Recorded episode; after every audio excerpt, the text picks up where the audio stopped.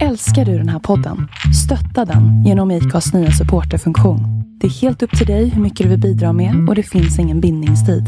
Klicka på länken i poddbeskrivningen för att visa din uppskattning och stötta podden. Manlighet. Vad är det? Vad gör en man till en man? Det som finns mellan benen, i kromosomerna, i hjärnan eller någon helt annanstans. Vad gör en man till en riktig man? Hur stark han är? Aggressivitet? Mod?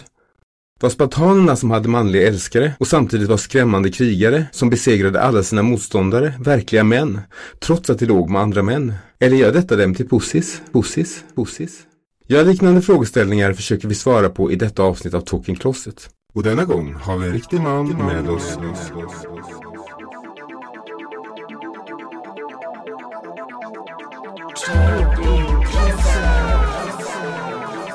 En podcast inspelad i en garderob någonstans i Stockholm.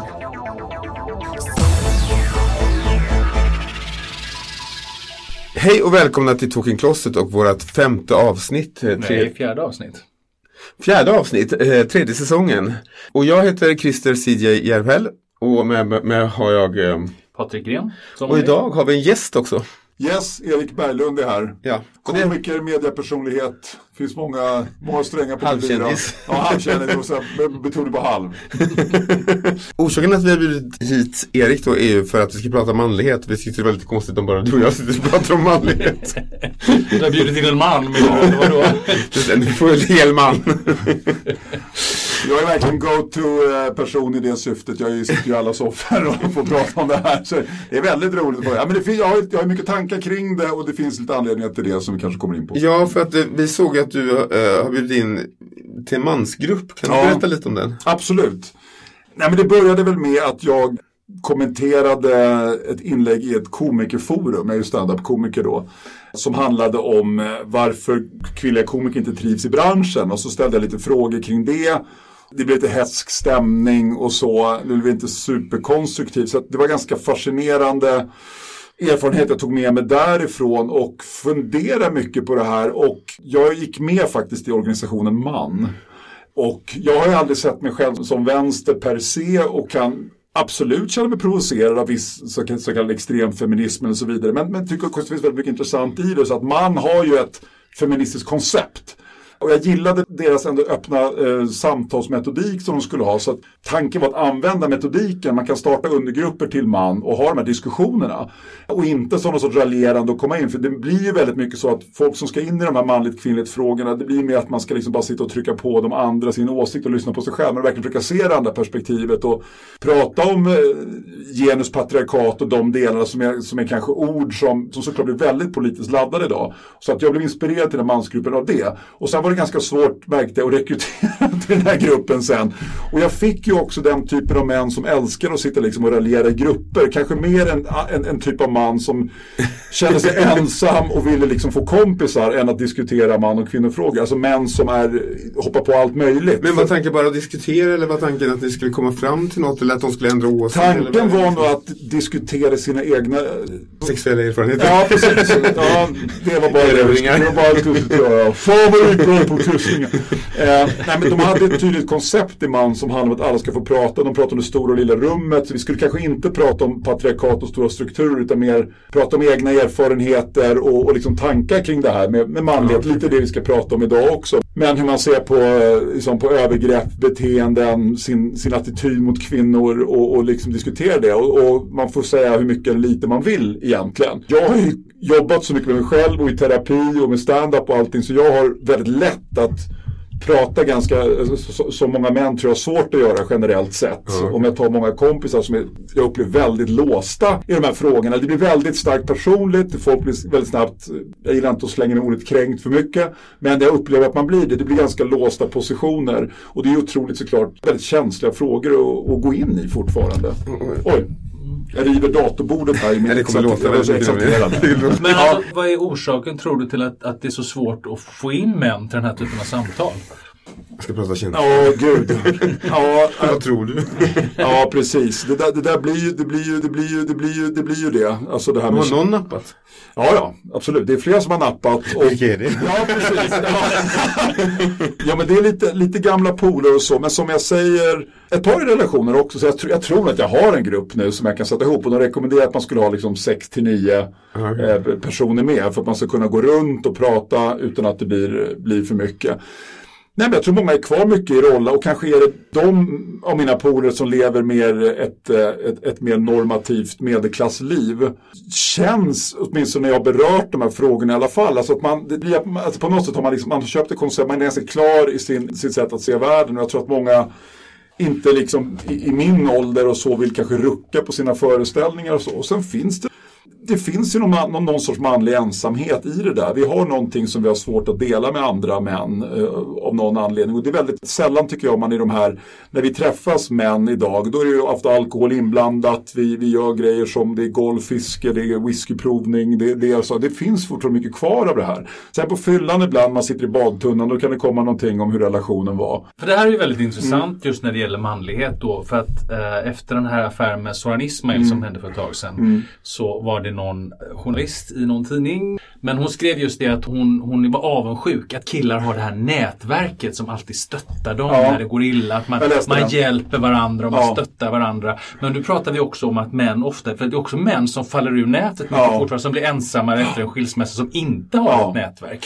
Så det blir väldigt motsägelsefullt tror den här manligheten att det både då ska finnas Ja. Mm. ett stöttande nätverk och samtidigt en ensamhet. Men är det inte så att män, nu spekulerar jag lite kanske, men att det kanske är mer stöttande i karriären, att man kanske hjälper varandra mer, liksom att rekommenderar och så vidare, men inte känslomässigt stöttande är inte samma sak. Alltså, Jag, jag tror att det är det. Och här kommer man ju då såklart in på eh, forskning. Om män nu är mer tävlingsinriktade som hävdas i viss forskning, kanske vill ta mer risker och också kanske lättare inordnar sig hierarkiskt på något sätt så upplever jag, om man tittar med grabbgäng och sådär, så, så Män hittar sin position i det här och man vet att jag får rätt mycket gött, men han är över mig och han är över, men jag får ganska mycket gött i det här i alla fall. Liksom. Jag håller min position här och den är ganska nice. Och jag vet att det finns liksom, jag har en del svaga sammanslutningar från yngre år, gy- gymnasieperioden och manliga nätverk och sådär, men jag kan inte påstå att jag nu Sen är man ju såklart omedveten om det vi kanske kallar strukturer om man är en vit stor medelklassman som jag är. Men jag kan inte direkt påstå att ett stort manligt nätverk alltid har gynnat mig. Jag har jobbat, förutom på SVT där jag jobbade i åtta år, så var ju väldigt mycket både manligt och kvinnligt så att säga. Och det fanns ju olika egenskaper som de här cheferna hade som har kommit högt upp. Men nu när jag var på Region Stockholm i åtta år som är otroligt kvinnodominerat. Men fortfarande liksom väldigt tuffa kvinnliga chefstyper också. Som har mycket av det man skulle kunna kalla manliga attribut också. Jag själv går inte, har inte gått in i så mycket. Alltså, om en person behandlar mig bra så har jag svårt att, att könsaspekten kommer väldigt snabbt. Och jag har aldrig haft problem att vara under en kvinna. Hö, hö, inte sex. Utan, utan, men, men alltså, men, men, nej, jag var tvungen att bara ta den. Men, men vad det gäller på jobb och sånt där så har jag liksom aldrig haft problem med kvinnliga chefer och så per se. Men såklart personer. Och, och om det är så att en stor andel kvinnliga sammanslutningar skapar toxiska negativa beteenden eller en stor andel manliga sammanslutningar gör det. det. Det tycker jag är svårt. Det handlar väl mer om hur hierarkin funkar i organisationer. Men ja, det fin- jag vet att många polare kanske som jag vet inte om de är högre upp i karriären och sådär, men om de har de här nätverken. Men jag ser inte det. Jag, jag ser, ganska, inte det jag, på jag ser ganska mycket manliga öar skulle jag säga. Många av mina äldre polare, så de lever i sina familjer, de lever ute i, förorten och har sina barn där. Och lever lite bubbelliv skulle jag vilja säga. Och, och nätverken är åtminstone inget som jag ser eller är en del av. Men alltså nätverk, jag tänker mer så här, vi pratade om stand-up komikerbranschen Ja. förut lite grann att det finns de som har varit med på varandras poddar och Mm. eh, liksom eh, känner varandra och stöttar varandra. Men jag tror, är det så uttalat? Är inte det bara något man gör omedvetet som bara sker, tänker jag? Inte att man vet att det här är mitt nätverk kanske, utan att det är mer... Ka kanske har, alltså då kommer man in på saker då, har män lättare att, för det var det jag lite var inne på, att inordna sig i något större grupper, är det så? Och att man liksom snarare att man är van vid det på något sätt och har lättare där att göra. Det var ju någonting man pratade om tidigare, att kvinnor kanske mer hade i yngre år ett antal bästisar och så vidare. Samtidigt ser vi ju kvinnor det går bättre på universiteten, det går bättre i sociala medier och sånt. Så att det är väl mycket som talar för hur samhället är på väg att utformas. Att det kanske skulle gynna kvinnor mer. Absolut. Och det du var inne på där också, att, att vi har den här kanske extremt framgångsrika manligheten i, i vissa typer av strukturer, då, företag och så vidare, samtidigt som vi har väldigt många förlorare bland män också, som, är, absolut. som är otroligt jävla ensamma liksom. Och inte har de här nätverken och inte funkar de här nätverken heller utan kanske då ägnar sig mer åt hat och sånt där på nätet då. Men, men jag, jag är 45, jag har ingen familj och jag, jag lever ensam. Det var inte min plan. Eh, om man nu hade en plan. Det gör vi alla här. Ja, det gör jag. Och det var inte min plan fast det, jag har ändå tagit beslut som har satt mig där eller fört mig dit. Och det kan vara bra eller inte hur man ser på det. Men jag kan ju fortfarande känna ett sug i magen ibland där det finns en ensamhet. Sen har jag upplevt mig ensam i den här världen egentligen sedan jag var liten. Men saknar du barn och sådana grejer?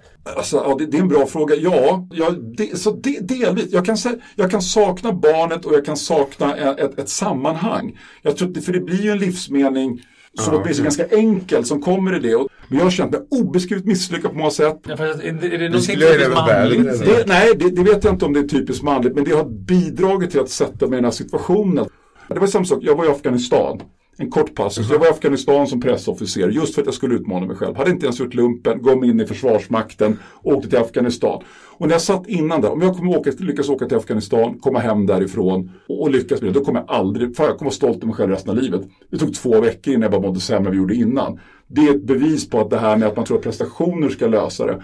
Det har eh, fört in mig lite i den här ensamheten. Men det handlar också just om att jag tycker att det här normativa medelklasslivet som man mycket ser är någonting som tråkar ut mig. Eller någonting som jag bara jag kan få spader på den svenska. tog ut många av de som Ja, är. Alltså, det, ja. Ja, men, ja. det är inte alla som sitter i Och det är väldigt svårt, och jag tror att det är väldigt svårt att undvika det. Får du barn så, så sugs du in i det. Och det behöver inte vara negativt heller. Vi har ett fantastiskt stöd i, i det här landet för barnfamiljer. Men jag tror att det är svårt att undvika det. Och då kan man fråga sig, ja, är jag så jävla speciell då? Och sådär. Nej, men då kanske man, någon, det blir ett offer här någonstans. Liksom. Ja men det är ju också intressant då, för det har visat sig att efter skilsmässor är det ofta män som får det svårast att ta sig tillbaka. Mm. Och det kan ju vara då man har då skurit av de här gamla nätverken Absolut. och gått in i den här bubblan som du säger. Ja. Och så spricker den här bubblan. Så Ja. Då finns ingenting kvar. Nej, då, då faller liksom hela världen samman. Liksom. Alltså, det tänkte jag fråga också, för att det är min upplevelse i varje fall att till exempel mina föräldrar när de skilde sig, pappa kunde ju inte vara själv, han var tvungen att hitta nu och gifte sig igen och en ny fru. Medan mamma har varit ganska nöjd med att vara ensam och Ja. vara singel eh, 20-30 år liksom. Och det är ofta så verkar det som att kvinnor inte tycker, det blir som en måste ha en kvinna ofta för att, jag vet inte, Jag såg att det, alltså, relation. utan att gå in i min fars huvud eh, så kunde jag då ändå med, med en sorts eh, objektiv analys han var nog den som snabbast började liksom dejta. Mamma hade också gjort det, det var väl inte allt, väl inte hundra där va. Men eh, han var ju den som snabbast gick in i relation, absolut. Så att det kom ju ganska snabbt efter. Och mamma var ju liksom, så hon träffade väl en och annan karl men, men det, hon blev ju officiellt i relation kanske, ja, det var nog 15 år efter skilsmässan. Så, så nu har hon varit gift sedan början av 2000-talet. Men som du säger, samma, och mamma brydde sig inte, inte på det sättet. Nej, och kvinnor jag känner sådär, de verkar mycket mer såhär att de, ja men nu ska jag förverkliga mig själv och göra Ja, mina saker. Alltså, ja. verkar mer nöjda med det Ja. tycker jag än män. vad är- Nu generaliserar jag såklart. Eh, men vi skulle faktiskt ställa en fråga först som är ganska intressant. Vad är manlighet? Ja, hur ser vi på det? Ja, om vi börjar med dig, Erik. Vad gör att någon är en man? Eller det? Ja, ja, bara första du tänker på, Ja. ett, ett ord exempel, när du säger manlighet, vad, vad är det liksom? Ja, vad ska vi säga, vad, vad, vad tänker jag på? Jag, tror, jag, tänker på jag tänker på fysik. Jag tänker mer på en manlighet som kanske har varit, jag, jag säger så här, det, allt det här som händer nu med våra kön, det har gått väldigt fort.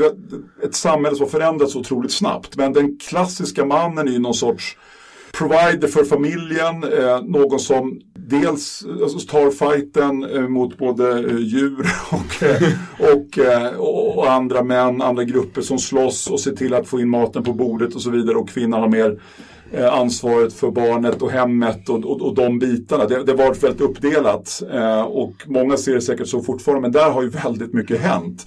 Så går Så jag jag, vill säga din syn om det första du tänker på.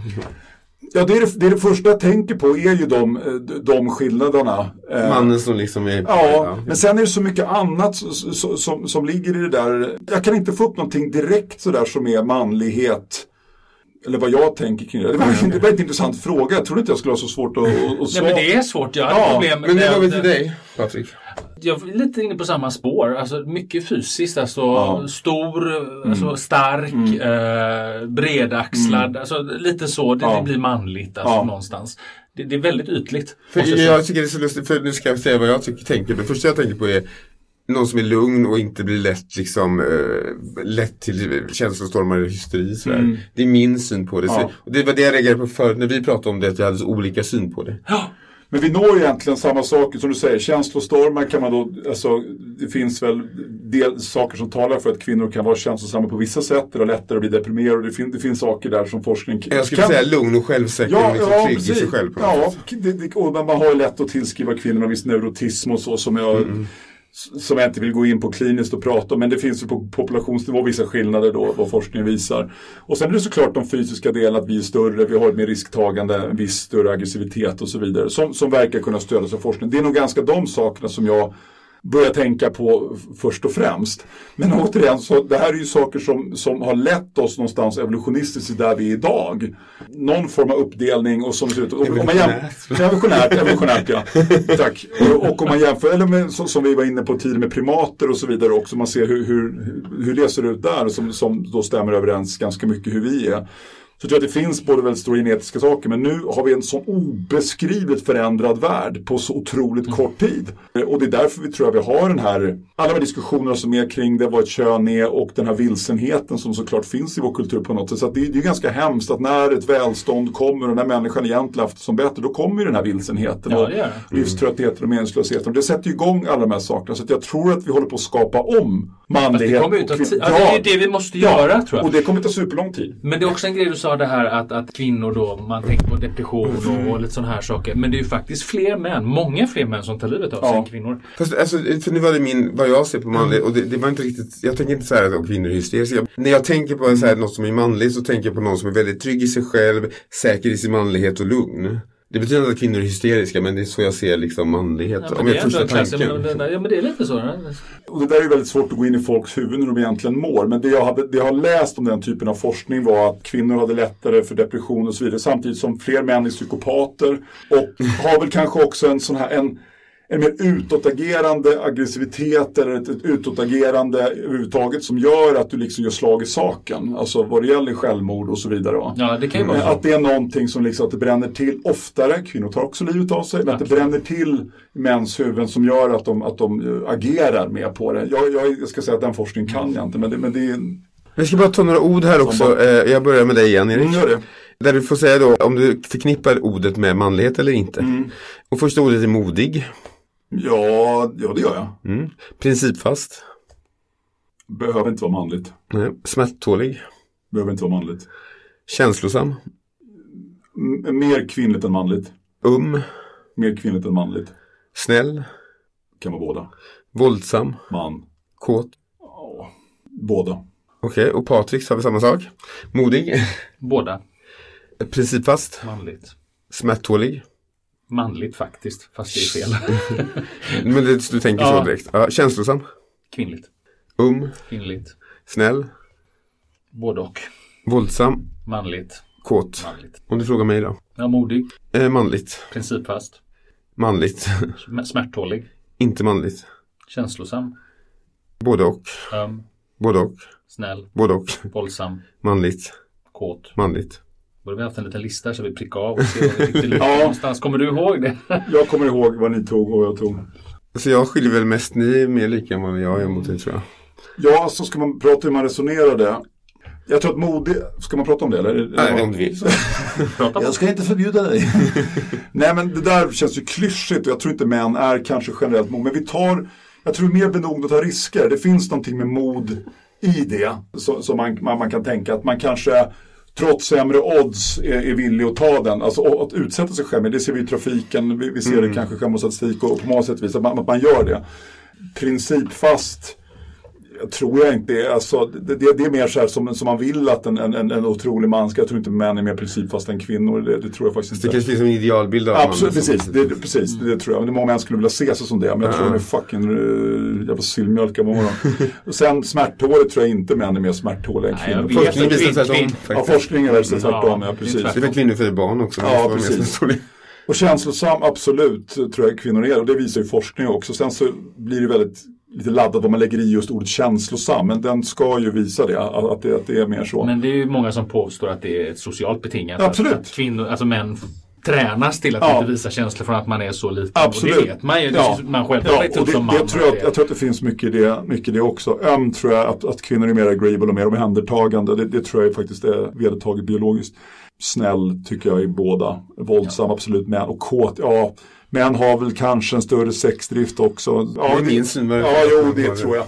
Så om jag nu får gå in lite i gayvärlden då. Den känns ibland så promiskuös på ett väldigt avslappnat, alltså det, det är verkligen så här dubbelt. Alltså, det, alltså, vissa gaypolare som jag snackar med, liksom, med hur de använder Grindr, det är så jävla otroligt så här lätt med casual sex. Liksom. Är det en fördom eller skulle ni säga att det är mer så i, i gaykretsar?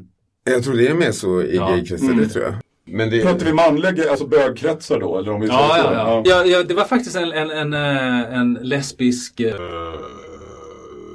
forskare i USA som sa det där väldigt bra en gång. Hon sa det att eh, homosexuella män missbrukar sex, eh, homosexuella kvinnor missbrukar relationer. Ja. Och det kan nog, nog jag skriva Ja. under på att Ja. det, det, det ligger något i det. Och det säger ju en hel del faktiskt. Det gör det om, om man. Men, Men det borde ju vara, för det är allt det jag, det jag kan om spelet mellan man och kvinna i hela mitt liv talar till det liksom.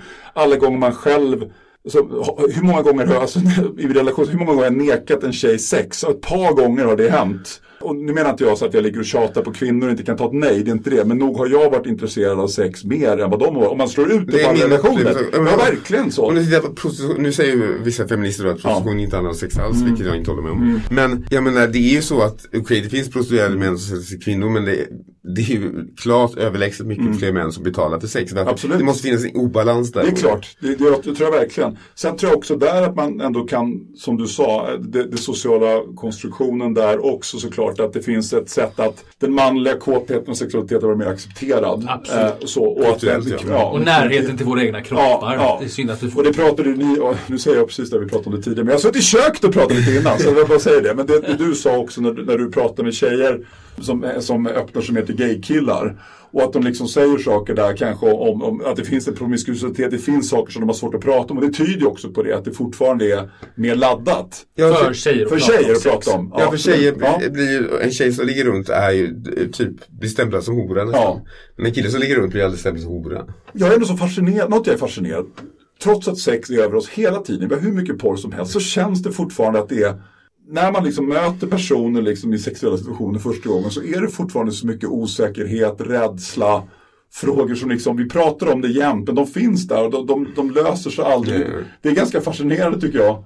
Och att de där grejerna, att, att det fortfarande är så känt. Att Det är så mycket skuld och skam och sånt som är förknippat kring sex och hur vi vill att det ska vara. Ja, ja. Och Och det handlar ju mycket om också själv, alltså, moral. om självkänsla, liksom att Mm. eh, pre- presterar man tillräckligt. Och, och liksom, en fråga som aldrig blir, som jag har hört en fråga ställas av journalister i tv-program och bara, bara är spelar storleken en roll? Men jag menar, svaret är ju både ja och nej. Absolut. Det beror på person och omständighet. Ja, visst. alltså, Absolut. du kan träffa någon, om just någon med lite kuk är fantastiskt, någon Ja. med stor kuk är inte bra och tvärtom. Ja. Liksom. Det blir Ja. så, mycket, det blir så mycket runt det. Det är inte bara, Nej. du ligger inte bara med en kuk liksom. Nej. Den frågan kommer man kunna älta i all evighet tror jag. Det kommer aldrig komma något svar.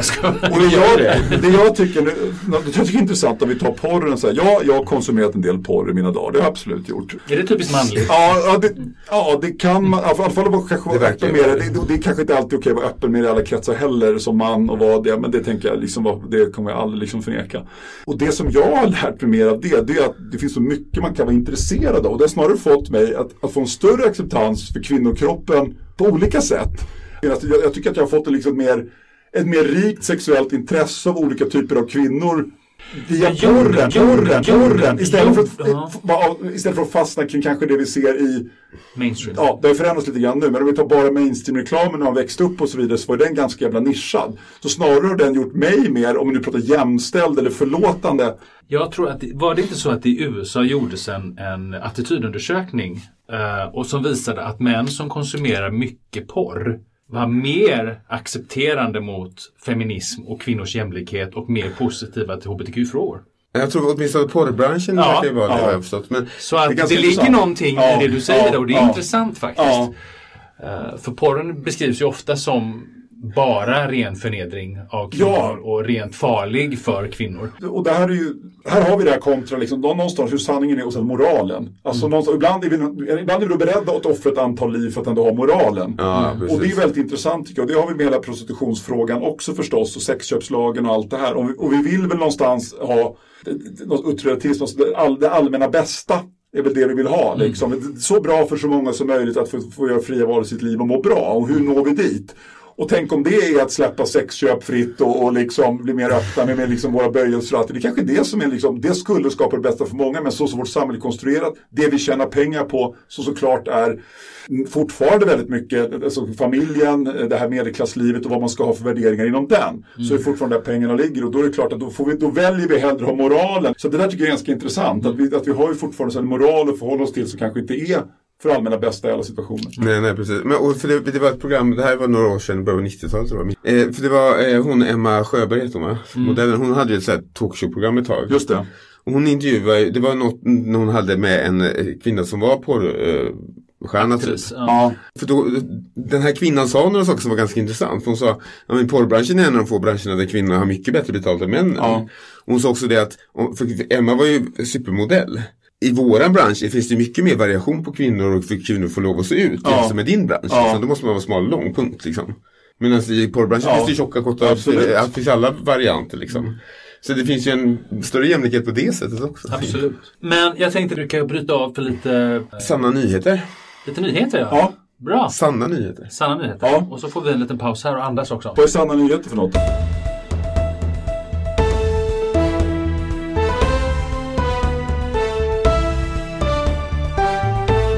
Välkommen till Verkligen Verkligt Sanna Nyheter.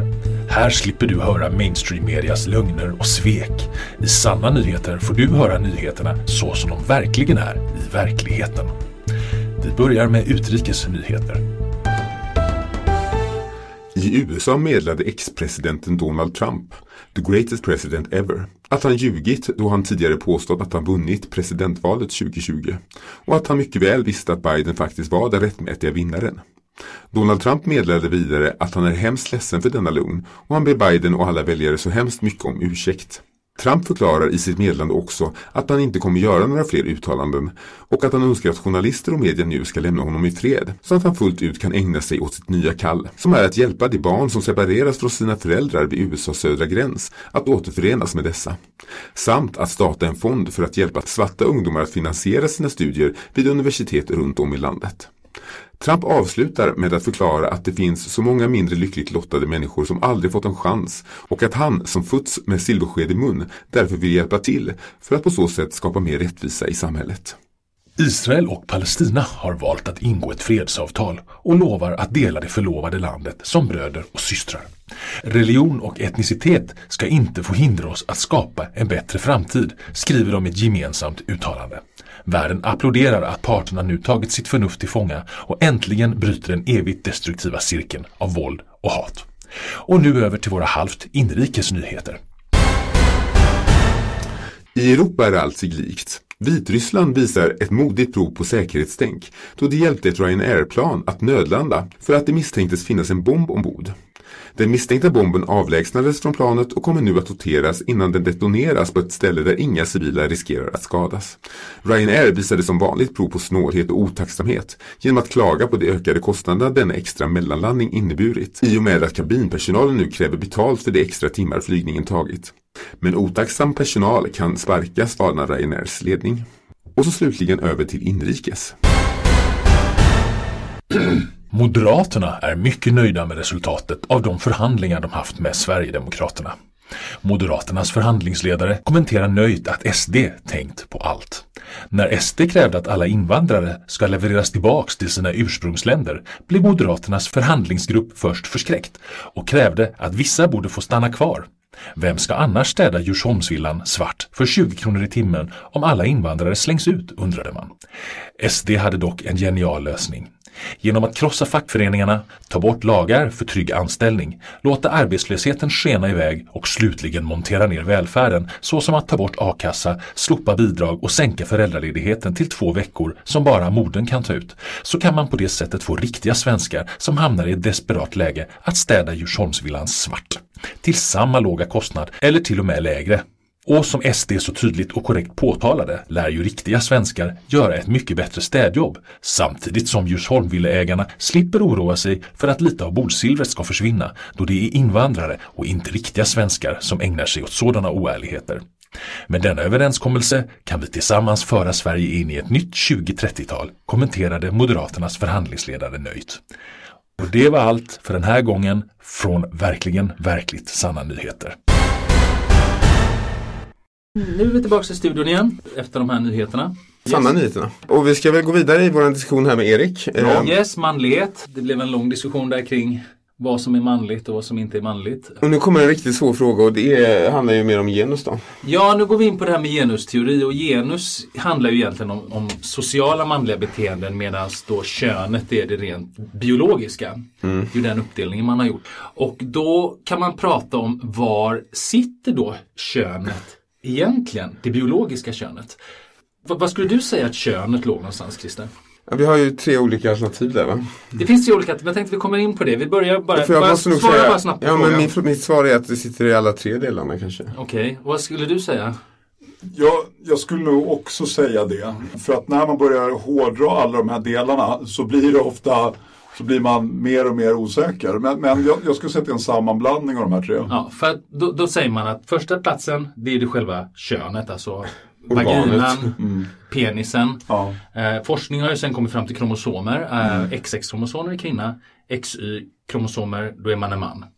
Och då placeras ju helt plötsligt könet i cellerna. Så. Men sen finns det de som har XY och ändå inte utvecklas till män ju. Eh, Utan det det är kvinnor. De utvecklas till kvinnor. De så att det är inte helt hårdraget där heller Nej. vad som är man och vad som är kvinna. Nej. Och sen då har ju senare forskning visat att eh, våra sexuella beteenden ofta sitter i hjärnan. Och identiteten också. Och identiteten. Så man har till exempel då sett att homosexuella män har ett sexuellt center i hjärnan som påminner mer om heterosexuella kvinnors. Och transpersoner har ett... ett, hjärnan som gör identiteten till kvinna. Alltså det, Ja. det är en formen av hjärnan. Och då, då blir det liksom- väldigt intressant var könet egentligen sitter. För det Ja, är för ju de väldiga upplever- de implikationer på vad kön är för någonting. För, för en transkvinna då upplever sig själv som kvinna på grund av hjärn, hjärnans for, utformning som har utvecklats i fosterstadiet antagligen. Ja, Vad, man, vad jag har förstått forskningen säger. Men eh, är, är det en kvinna eller man då liksom? För det är ju en debatt som går hett just nu. Och sen har vi då det sociala könet. Och var går gränsen där? Hur mycket biologiskt, alltså hur mycket, vi pratar ju manlighet här, sitter i generna? Eller i, i kroppen? Och hur mycket är just socialt skapat? Vi har gått in lite på det här med känslor, att man tränar ofta små pojkar att inte, man ska inte gråta när man ramlar och slår sig, man ska liksom inte man får ett annat förhållningssätt till kroppen, man slåss, man, man bråkar. Medan kvinnor får lära sig att kroppen är känsliga, de, de, de får lära sig prata om känslor. Är det så och får det komplikationer så Mm. För jag fall? tänker det här att, att liksom, på...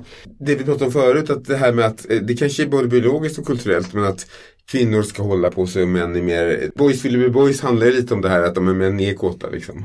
Men det, jag tror det, det är delvis biologiskt men också är det kulturellt tryck att kvinnor får lära sig eh, ännu mer andra kulturer liksom att har du legat innan äktenskapet så är du liksom förkastad nästan i vissa kulturer. Så, Ja, så var det ju förr här också. Ja, så att, jag menar, och det tror jag är kulturellt också, så det är inte bara biologiskt. Hur ser du på det? Ja, jag tror att man kan säga vissa delar återigen på liksom populationsnivå när man pratar om Ja, vi som ändå föds till män och verkar ha det på alla de här tre delarna så att säga. Man har en kuk, man har Kromosomer? Ja, kromosomer och hjärnan. Personligen har de här indelningarna aldrig varit jättenödvändiga för mig. Men det är klart, vi, vi gör ju det för att förstå världen. Vi måste kalla saker någonting uppenbarligen. Man kan väl förstå att om många av de här grejerna överensstämmer då, eh, som jag just sa, så, så kan man förvänta sig kanske vissa grundbeteenden på populationsnivå som finns där. Och sen finns det såklart skillnader om du har mer eller mindre av olika av de här delarna. Och så är det ju med kvinnor också förstås. Populationsnivå så finns det ju otroligt mycket då kvinnor som kanske visar det som vi kallar typiskt manliga beteende med aggressivitet och risktagande. Det finns många kvinnor som gör det. Det här är ju problemet när man pratar Ja. om det här. Det blir ju alltid liksom, ingen kvinna tar risker. Alla kvinnor vill jobba inom vården och alla kvinnor vill... Så är det ju inte, utan jättemånga kvinnor vill det också. Men tittar man på de stora grupper så, så ser man de här, liksom, den här övervikten då. Det finns en generell... eh, Ja. Och sen är det klart att allting börjar, hur använder vi då det här för att skapa, väl, skapa så bra liv för de flesta som möjligt? Det är ju någonstans det det här är. Och, och såklart att många som växer upp och har mindre av det här som vi pratar om, eller man föds med kuk, man upplevs som kvinna och sådär. Vad finns det för samhälle för mig då? Hur ska jag bli betraktad och hur ska jag liksom bli bemött? Det är inte svårt att förstå att de här delarna finns, men hur, hur viktigt det är att, att kalla saker för någonting, ja, det provocerar väldigt mycket. För nå- något jag inte kan förstå Ja. är det här, till exempel om vi säger då att eh, en transkvinna, jag följer knappt med, det har hänt så mycket på det här Ja, området. en transkvinna det, det är ju en, en kvinna som är född i en manlig kropp skulle Ja, jag säga. okej, okej. För min del då, om den här personen upplever sig som kvinna, vill vara kvinna, vill göra om sig till kvinna. Det spelar inte mig någon roll, det påverkar inte mitt liv alls. Jag förstår inte de här människorna som ser det här som ett jättestort hot. Jag förstår inte vad det är de är rädda för. Men, det- men det där du säger ju också, kan ju bitvis vara kontroversiellt då. Du säger att en kvinna född i en manlig kropp. Menar du att hon har, Identiteten i ja, hjärnan menar är du att hjärnan ser ut som den gör på andra kvinnor utan kuk? Till exempel homosexuella har ju manliga hjärnor men just in i det sexuella området. Går det att se det på alla Ja. homosexuella Ja, jag män? vet inte på alla alla, men, men- eh, ja, det kanske det gör men man, man, man kan inte skära upp Det är alla. kontroversiell Ja. forskning det här. För att det här ska man komma ihåg när man tittar på hela genuspratet idag. Det är ju att man vill ju förskjuta väldigt mycket mot det socialt Absolut. konstruerade. Man Ja, ja. vill spela ner det biologiska väldigt mycket. Jag tror man gör det för att det blir lättare att få igenom en förändring. Vi behöver bara uppfostra pojkarna Ja. annorlunda Ja, är för att vi ska få en förändring. Börjar man då blanda är in bi biologi i det, att det sitter liksom mycket djupare än så. Ja. Då blir det ett problem. Det blir Men- svårt men- för oss att genomföra Men, förändringar. men vad jag förstår så, det, det jag har läst om, om hjärnforskning så vidare, det är att det finns ju vissa skillnader såklart så- som Mm. påverkar oss. Ja, ja, ja. Som är och vad vi har lättare för att göra och, och lättare inte göra, på, på, återigen på populationsnivå då. Och precis det du säger, och det är där, frågan om det går att ena sig kring biologisk forskning och genusforskning så att man säger, ja vi kan slå fast, det här kan vi alla ändå enas, så, så långt som vetenskapen har kommit idag så kan vi enas om att så här är det. Men det går ju aldrig riktigt för att det, det finns ju också en kritik att uh, vet, fokusera mest på män. Vetenskapen vet vi, vi, vi, vi mätte huvuden och skall och kranier för inte så länge sedan och då var det vetenskap. Vetenskapen förändras ju hela tiden. Absolut. Så att det går ju aldrig liksom att bara kanske skapa ett konsensus kring det. Men det vore ju önskvärt och, och de man läser då som tar den andra biologiska positionen, de är ju hela tiden så krassa och de anser som kanske mer en höger eh, retorik och man anser sig vara mer logisk och som det låter nu då hela tiden och, och hänvisar till den forskningen hela tiden och säger det här är glasklart med Jordan Peterson men det ser ut så här, vi behöver inte prata om det utan det här vet man. Men det verkar ju inte finnas en enighet kring heller så det, det du säger är jätteintressant. Är det, blir kritik mot de här männen så stark för att det är ett hot mot den här socialkonservistiska tanken som ändå är någonting som går att förändra. För har vi köpt att det är en biologisk skillnad på populationsnivå och allt det, då går det kanske inte att förändra. Men det kanske det gör ändå, man kanske kan acceptera det. Men ändå jobba om vårt samhälle som har utvecklats så mycket de här hundra åren förstås. Ja, Jag tror ju att om vi vågar acceptera att vissa saker faktiskt är biologiska så har vi någonting att jobba med som vi kan förändra. Alltså vi kan jobba runt det, förstår du? Och göra det bättre för att vi förstår varandra bättre. Och förstår att det finns, alltså även biologi förändras ju. Även om det går oändligt mycket Alltså långsammare. det, det här jag nämnde nu med, det här var ju sexuellt beteende då, eller var, din sexualitet.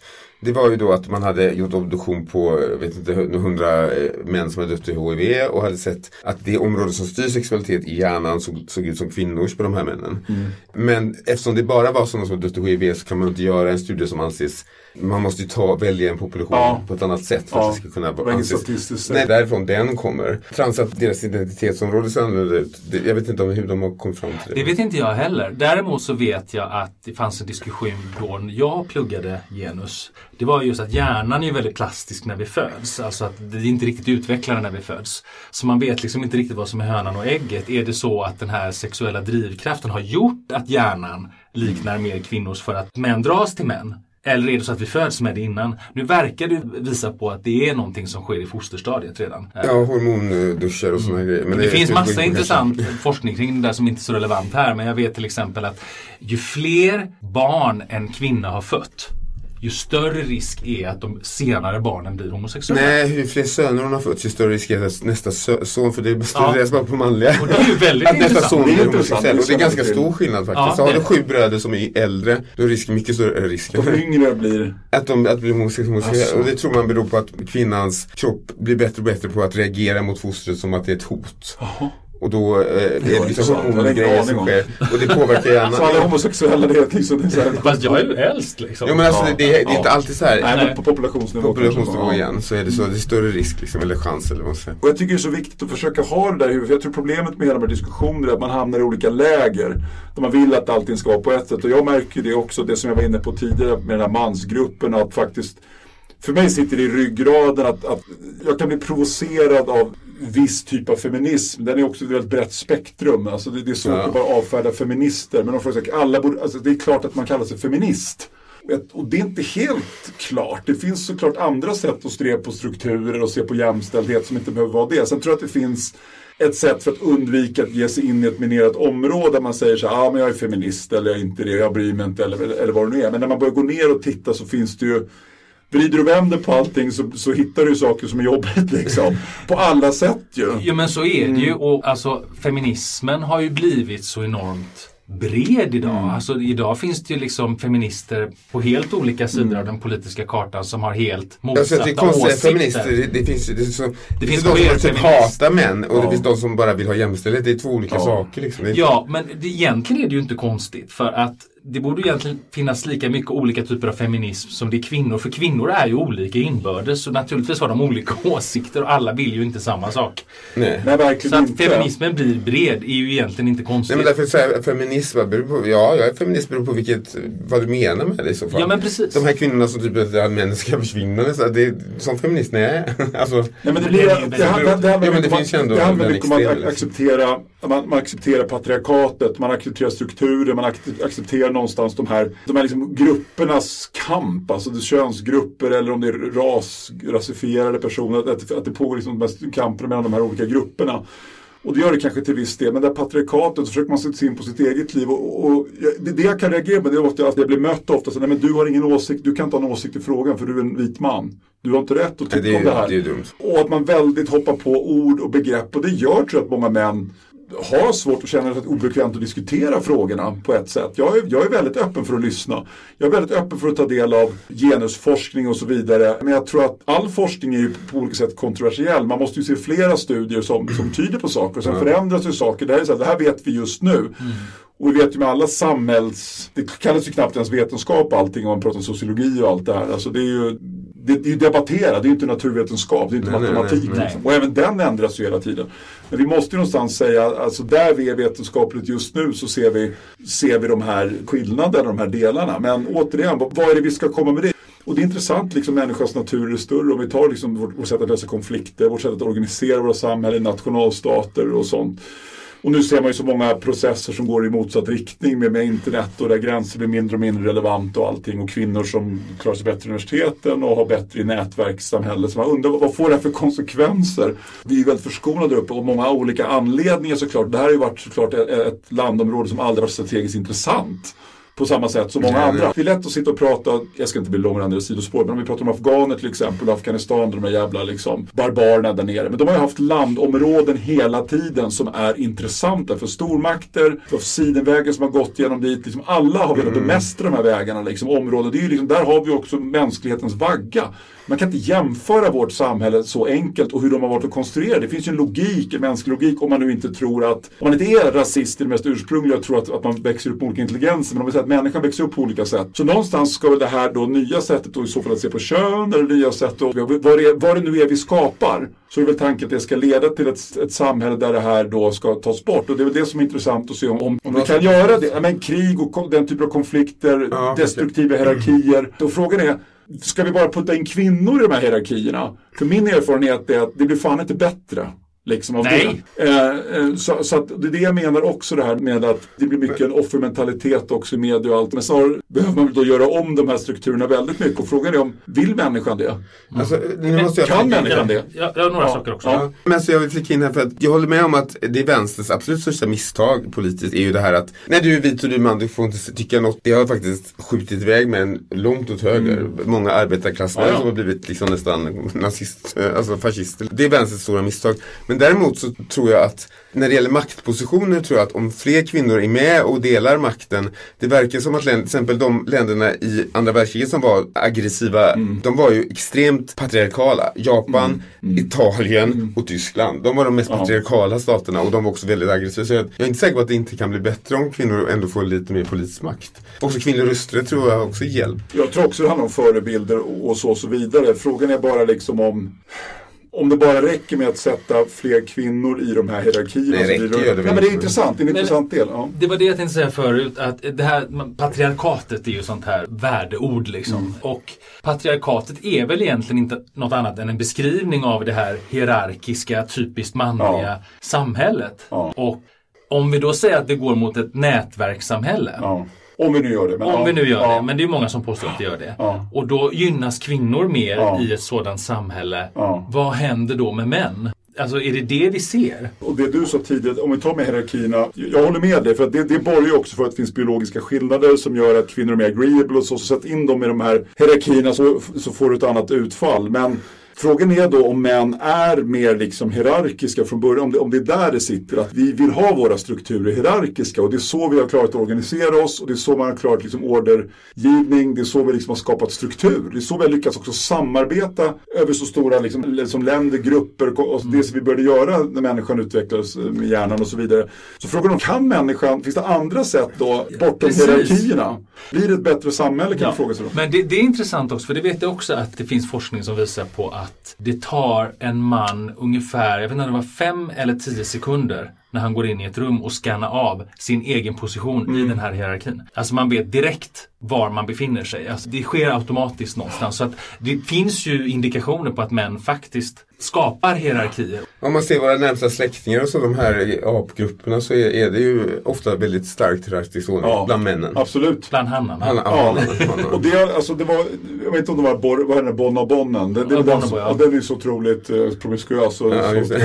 men, men jag tror att schimpansflocken, då är det så. Man har ju då alfahannen. Och han får, ja, han får sätta på alla de här kvinnorna. Han är den enda som gör det. Ja, så är det. Men, men, men han måste ändå vara schysst liksom, mot de andra. För är det så att det på något sätt blir att han missbrukar sin position. Då händer det att de andra gaddar ihop sig och slår ihjäl honom. Va? Så att, det är också intressant. Att, och, det är, det, Det det, och det jag kan se med människor att vi har inget problem med underordning så länge jag får ut något av det. Och möjligen har kvinnor svårare med en sån hierarki. Så kanske det är på agreeableness, att det ska vara mer lika och att, vi, att det finns det. Jag kan ju se tecken på det i mitt arbetsliv. Jag kan se tecken på olika sätt. Vilka kvinnor som har gått väldigt långt. Och då skulle jag säga att många av dem har typiskt manliga beteenden. Ja, men det kan, Som, det, som jag skulle säga är mindre empati. Det, det spelar inte så roll att hela gruppen är med. Liksom det, alltså det, som, det som då har förknippats med manlighet, eller vad vi kallar det. Och det tror jag också är svar på många frågor. Alltså dels att det är färre kvinnor på maktposition. Det dels att männen inte släpper in dem. Och så tror jag att fler, färre kvinnor känner sig bekväma i den typen av hierarkier. Så det är frågan om, om vi släpper in fler kvinnor i hierarkierna, ändrar vi hierarkierna då? Eller måste vi få bort hierarkier? Och kan människan organisera ett samhälle utan hierarkier?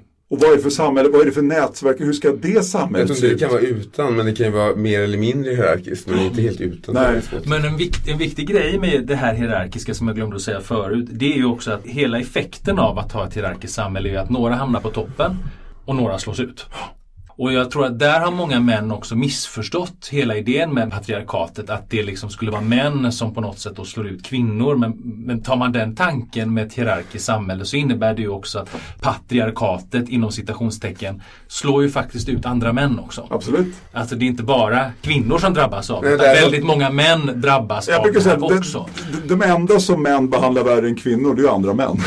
Ja, och liksom, Ja, men det, precis. det ligger något i Eh, det. För många feminister är ju såhär, ja kvinnor är förtryckta, bla, men i den här gruppen finns det ju män som är förtryckta som är förtryckta både kvinnor och Ja. män. Jag menar, är det några som har behandlat mig illa när det gäller min längd så har det ju varit kvinnor, aldrig män. Mm. Som sagt vidriga saker. Ja, men då kommer vi in på det här med toxisk maskulinitet. Att, att de här maskulina idealen, det här hierarkiska samhället smittar av sig på undergrupper. Att kvinnor anpassar sig till de här idealen för att det blir lättare för alltså en kvinna väljer ofta en man som har mycket bättre inkomst och så. Fast de på så sätt förstärker de här idealen om att män ska ta sig upp i en hierarki. Ja. Eller som vi pratar om gay, gaysamhället där ideal om manlighet, alltså de här klassiska idealen blir väldigt, väldigt viktigt. Och det också förstärker ju bara, det, det underbygger ju hela den här och det är då man menar att det blir toxiskt att det, det, det sipprar ner att även de som förlorar på det fortsätter och återskapa det. Absolut. Och så är det ju faktiskt. Ja, mina erfarenheter i varje fall. Och det är det du säger också när kvinnor då väljer bort män av en viss längd och så.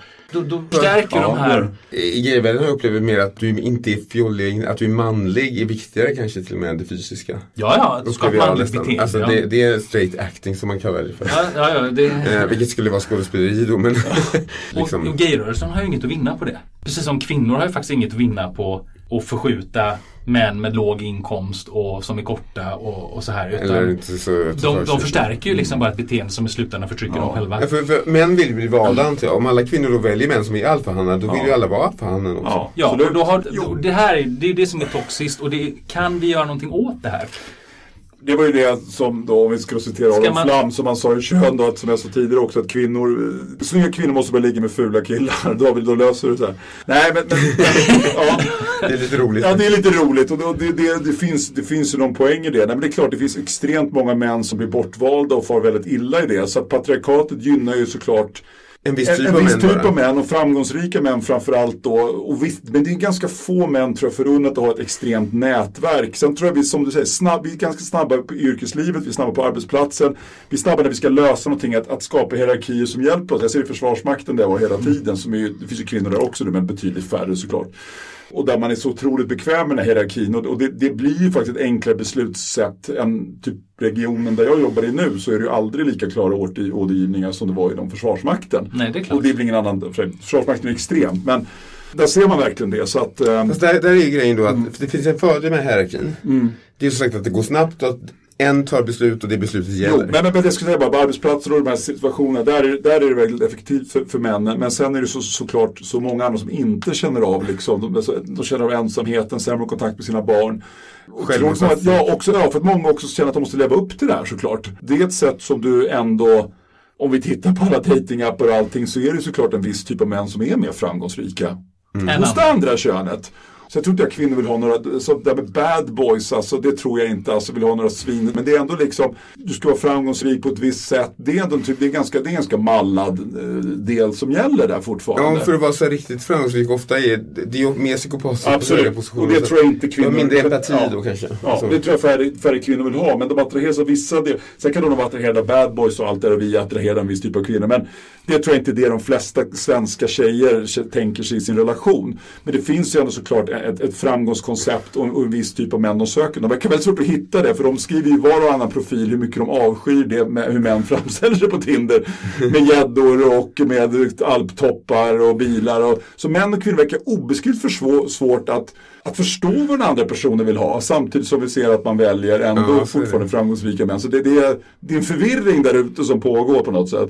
Det är det för att någonting är i förändring. Ja, det är det. Jag vill också ta upp det här som det har varit debatt om på sistone med Snabba Cash. Ja. Som är en tv-serie. Ja. Som ni, du har Jag inte har sett sett Men den? först nu, Jag ja, okej. vi var inne på toxisk maskulinitet så jag skulle vilja ta. Gillette-reklamen först. Okej. Okay. Så det var alltså en reklam eh, som Gillette gjorde, The Best Man Can Get, som blev väldigt, väldigt kontroversiell, som handlar om toxisk maskulinitet. Och den, ha, eh, den beskriver, den visar liksom bilder på någon man som blir liksom mobbad lite granna och någon som raggar på en tjej, tar henne på rumpan.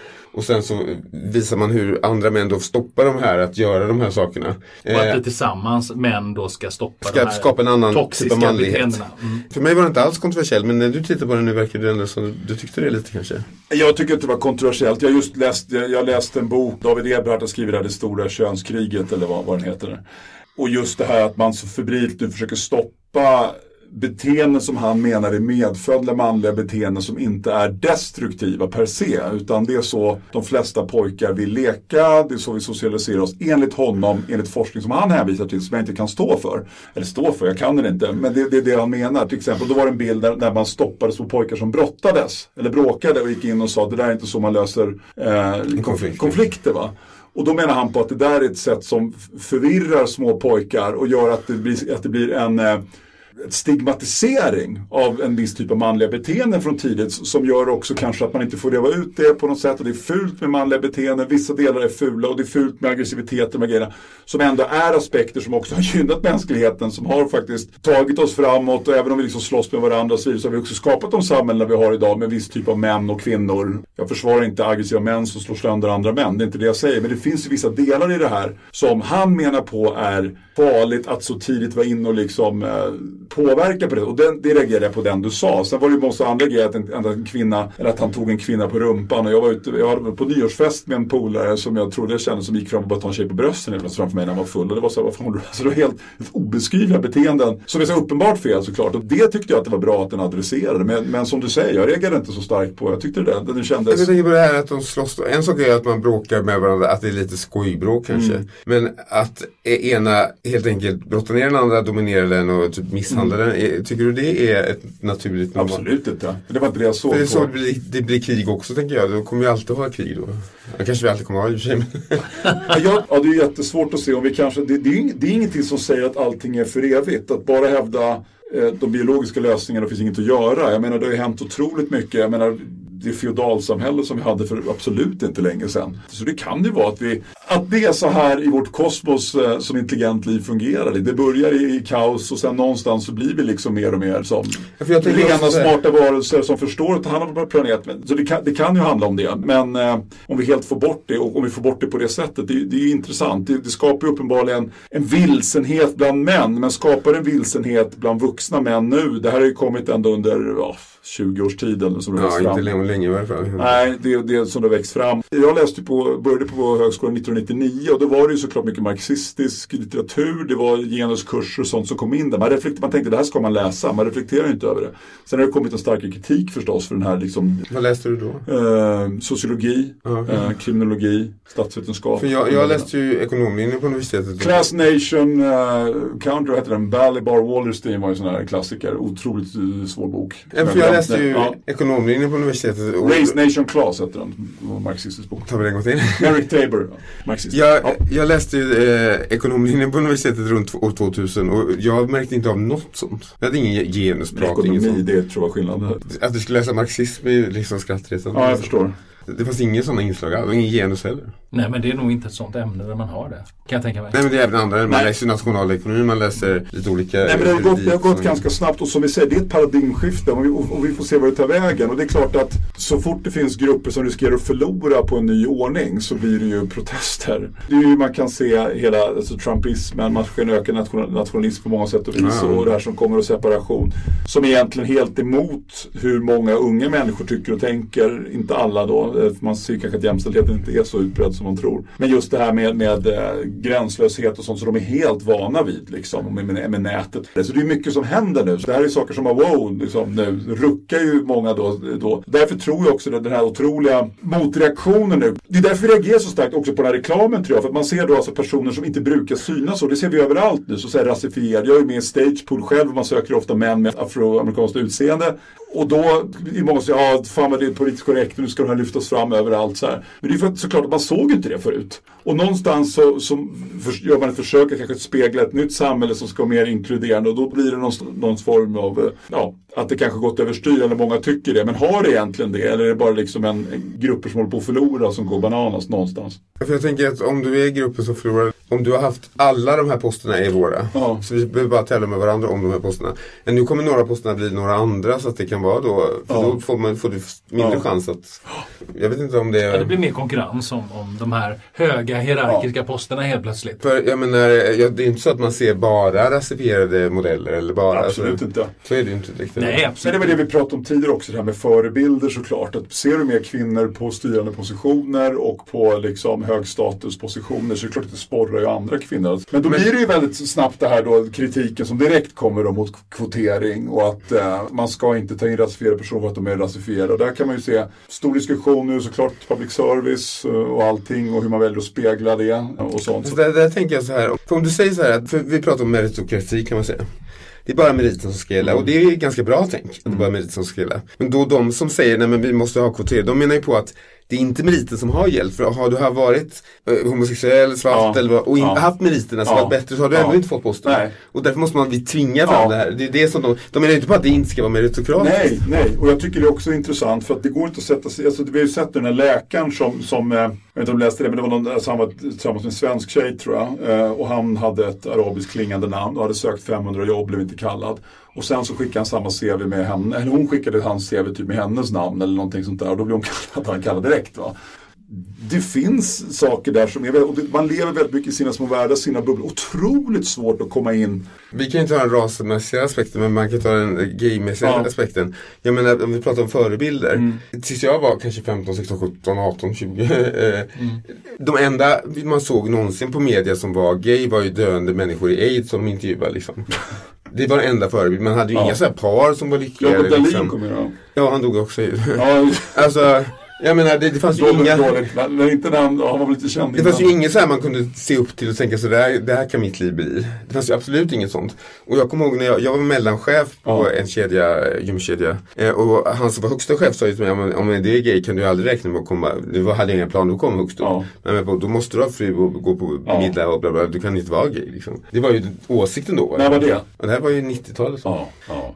Jag hade inga sådana aspirationer i och för sig, men ändå att det fanns den tanken liksom. Och det blir ju alltid så. Det, är så här, alltså, det kommer alltid vara någon grupp som känner att de inte har blivit gynnade eller som har varit... Det är hela problematiken. Att man- måste, alltså, vi måste generalisera på något sätt och, och kanske förstå ibland samhället i form av grupper. Men alltså, det är ju ändå individer någonstans. Så det, ställer man grupp mot grupp mot varandra för mycket så blir det såklart svårt också. Man, kommer- man kommer aldrig ifrån det personliga ansvaret samtidigt som man behöver förstå hur det är att liksom bli nekad 500 jobb fast du har meriter. Ja, precis. Men om vi pratar könskriget, tänker jag, måste det vara ett krig? Nej. Man försöker hitta bästa lösningen så att det är bäst för alla på något sätt. Ja men det är väl det som du var inne på också och prata om att, liksom män, att kvinnor dels kanske varit med och bidragit till det men också det är någonting som så här, människan har skapat tillsammans. Jag tror inte liksom kvinnan har gått omkring och varit missnöjd i 200 000 år och, liksom, och funderat över sin, sin situation hela tiden och det känns sig underlägsen. Jag tror, jag tror inte att det har varit så. Men att det har det har kommit liksom kanske mer sen, alltså, nästan civilisationen har liksom ökat, ökat på.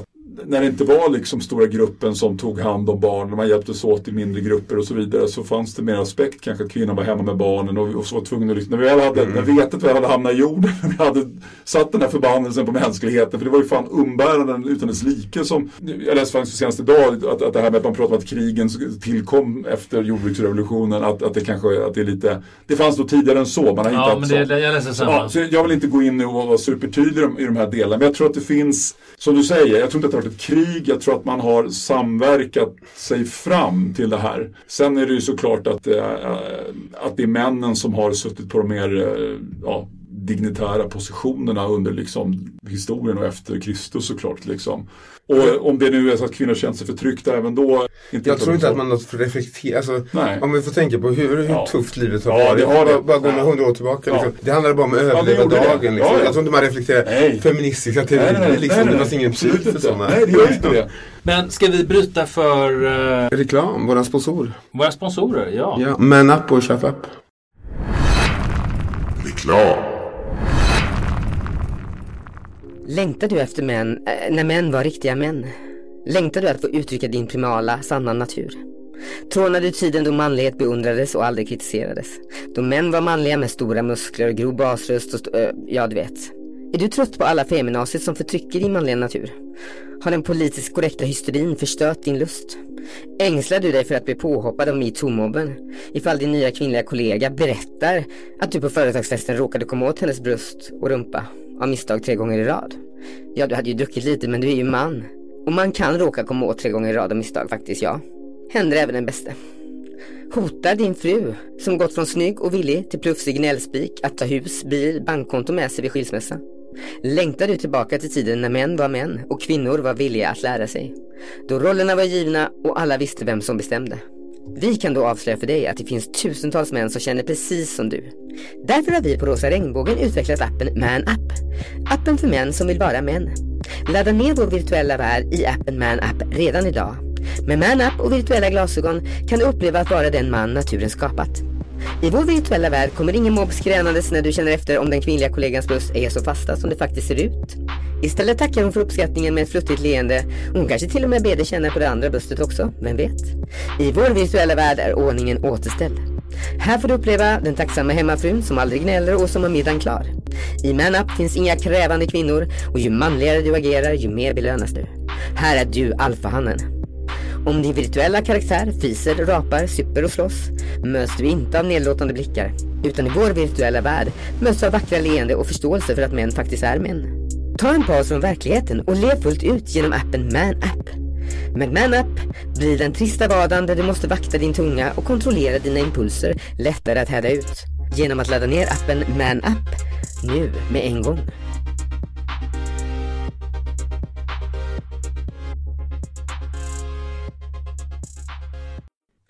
Nu finns även versionen Gayman App.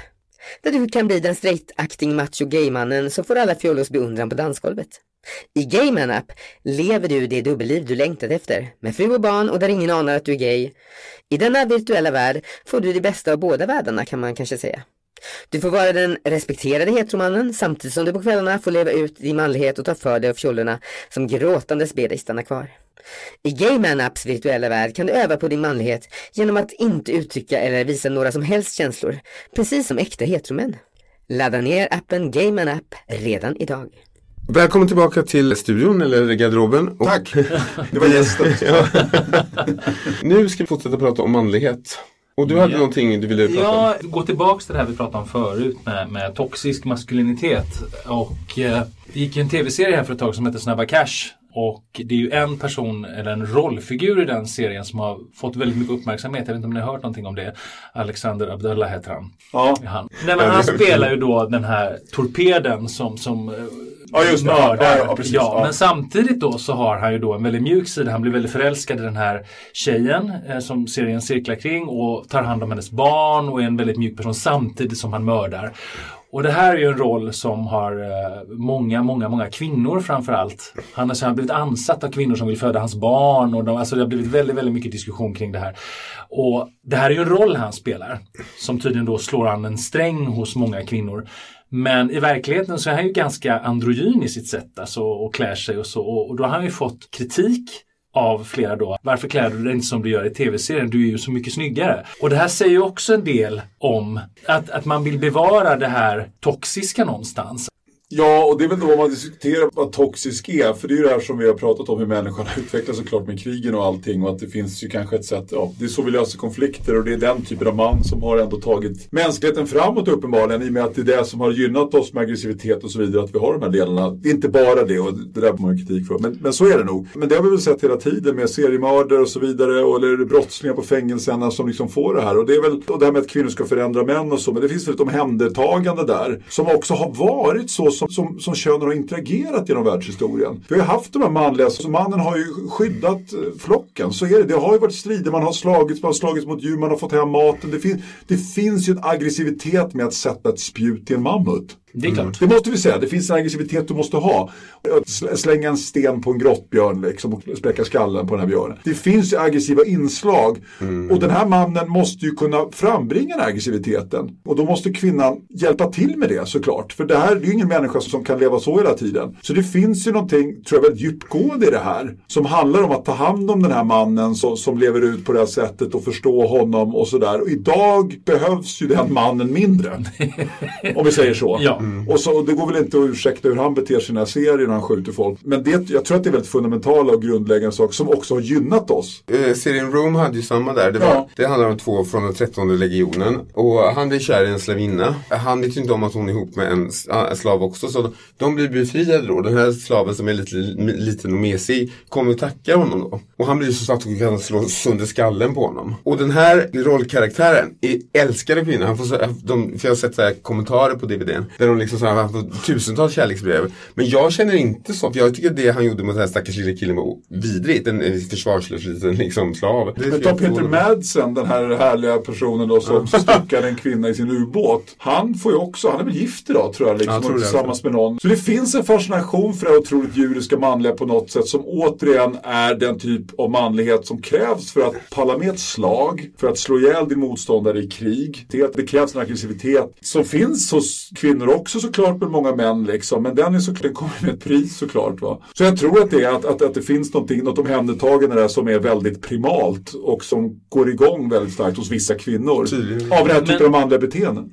Men hur ska vi då, om vi nu ska titta framåt, för det är ju svårt att säga då, om vi pratar om toxisk femininitet kallar Ja. man ju det för. Eh, svårt att säga till kvinnor, ja, men du får inte dras till de här männen. Liksom, det går inte att styra. Då, då är vi ju liksom inne i en återvändsgränd där vi inte kan göra något åt problemet. För det blir ju tvärtom då, att då ska, då ska inte kvinnor få attraheras av, Precis. av de här typerna av män. Nej, precis. Alla kvinnor Nej, det gör ju inget. På populationsnivå så är det väl en kanske högre andel än vad man Skulle önska. vad, vad, som, vad som korrelerar med den eh, kontemporära moralen. Nu hamnar jag lite på sidospår kanske, men, men för det finns ju en teori att orsaken att vi inte har stött på andra livsformer i universum är att när det når en viss nivå så förintar civilisationen sig själv. Ja, så intressant. Dra fan inte igång ufo-frågan för jag älskar Nej men det. Vänta, vänta, för det jag vill säga är. Det var förra avsnittet. Ja, jag vet. Om, om vi inte ändrar det här, för jag menar, teknologin gör ju att våra vapen blir mer och mer destruktiva. Om vi inte kan sluta att lösa konflikter med krig, då Ja. kommer vi förinta oss Ja, själva. det är superintressant. Vi sitter ju och värderar, medan djuren funderar ju inte över sina beteenden. Mm. Och de vet ju inte varför, det är inte så dinosaurier sa att fan vi blev framgångsrika, vi är, här hade vi 200 miljoner och det är ingen som vet om. Och det är det som såklart har hänt människan också. Nu råkar vi ha intellektet. Vad är intellekt? Är det bara en primat som har utvecklats eller är vi divine? Det är en intressant Och det blir en intressant fråga någonstans där vi börjar fundera kring de här sakerna såklart. Men naturen skiter ju i om vi sabbar klimatet. Ja, om vi ja. raserar den här jävla världen, att det liksom, den skiter den fullständigt. Det har hänt liksom. Men George Carlin sa ju det att the planet would be okay. Exakt, ja men det är ju det.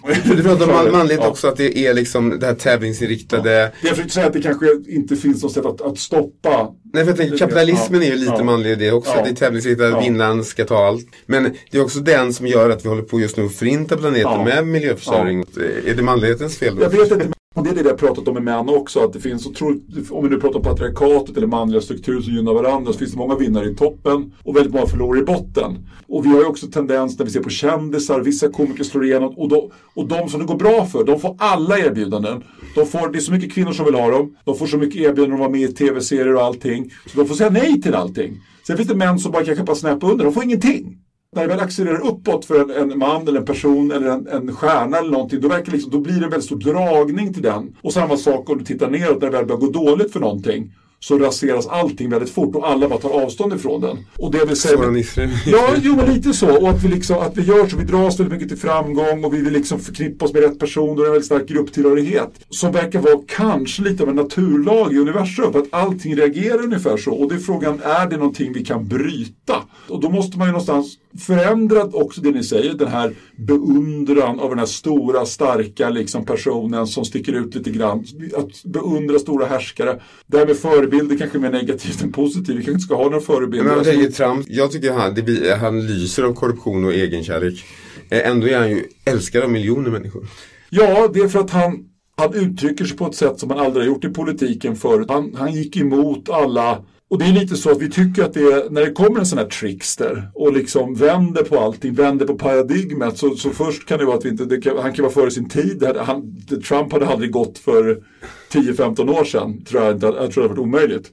Men idag har det gått på grund av olika anledningar. Just på grund av det vi har pratat om, det som kallas genusteori eller, eller identitetspolitik. Det har gått väldigt långt. Det, det finns grupper som börjar förlora på att andra tar Så Han kom fram nu för att det fanns någonting för honom. Han hade aldrig funkat i en annan tid. Nej. Så det, det tror jag är anledningen att, att det har blivit så. Det är helt bisarrt man tänker på det. Eh, men det är nog det som har liksom kunnat få fram honom. Liksom. Men, men, men vi måste ju på något sätt hindra, alltså det, det, det är ju något sätt som människan fungerar på som radikalt måste förändras. Som du säger, för att Ja. alltså den arsenal med vapen och sånt som har och att vi släpper fram de här ledarna och vi ser att det kommer ett virus helt plötsligt lamslår hela världen. Vi är ju så sårbara. Det här samhället vi har byggt upp liksom, det, det, det känns ju ändå så att vi pressar in mänskligheten under någon form av tryckkokare. Som på något sätt kommer brisera. På. Ja, Det ja. känns väldigt logiskt att det är så. Kanske, dels att det intelligenta livet är svårt att det ska uppstå. Att när det händer sen så blir det nästan någon sorts liksom, en kedjereaktion som går så otroligt fart. Liksom en exponentiell Det går så fort alltid. Men nu när vi pratar om det här så börjar det låta väldigt deterministiskt här liksom. Ja. Är det här strukturer, ja, men- men- men- är det här strukturer vi Ja. kan förändra? Ja. Är det na- naturligt? Och då blir det ju kan vi alltså inte göra någonting åt det? Det har ju också varit diskussion om det här att det finns någon underförstådd syn på att våldtäkter och sådana grejer. Att, men hur klädde sig kvinnor? Alltså precis som att män kan inte, de kan inte styra sig själva. Men någonstans kan vi ändå göra val. Vi kan ju göra val att eh, okej, jag har ju valt den här personen men Ja. jag ska inte göra det. Alltså, Ja. Så jag tycker att så ödesbestämt hoppas jag inte att det är. Nej, alltså. och sen kan man ju se det så också då om man nu ska bara sätta- lägga ett könsligt perspektiv på det, ett genusperspektiv på det, om vi då pratar om det här eh, hierarkiska samhället som då är väldigt manligt och byter ut det mot ett nätverkssamhälle som då är mer kvinnligt. Och då har vi ju influencers som väldigt ofta är kvinnor i det här nätverkssamhället. Och där har vi också stora stjärnor som också drar till sig. Så kvinnor kan ju i ett sådant samhälle bli lika mäktiga som män fast i en annan struktur. Det kanske också är det som evolutionen är, att, att den manliga liksom är bra för människan en viss del och sen tar det kvinnliga över. Eh, att, att det är det som blir liksom jag tror hur, vad vi än försöker så tror jag att kvinnor kommer få, ofta sådana här som är reaktionära, de, de kan med våld och tvång stoppa utvecklingen och driva den tillbaka en viss del men vattnet rinner åt ett håll, alltså det går inte att stoppa. Det fascinerande tycker jag då, det, det är ju det här med om vi tar, eh, om vi då pratar om, om historien och skriver om läroböcker och så vidare, att lyfta fram fler kvinnor i historien. Men de facto är det ju många män som kanske har gjort de flesta banbrytande upptäckterna eller så. Sen så såklart mördat massa människor på köpet. Men, men just det här klassiska som är, så är det så att, att vi nu kommer, att, att samhället på att skapas där kanske den kvinnliga innovationsförmågan kommer vara starkare och, och få, få spelrum?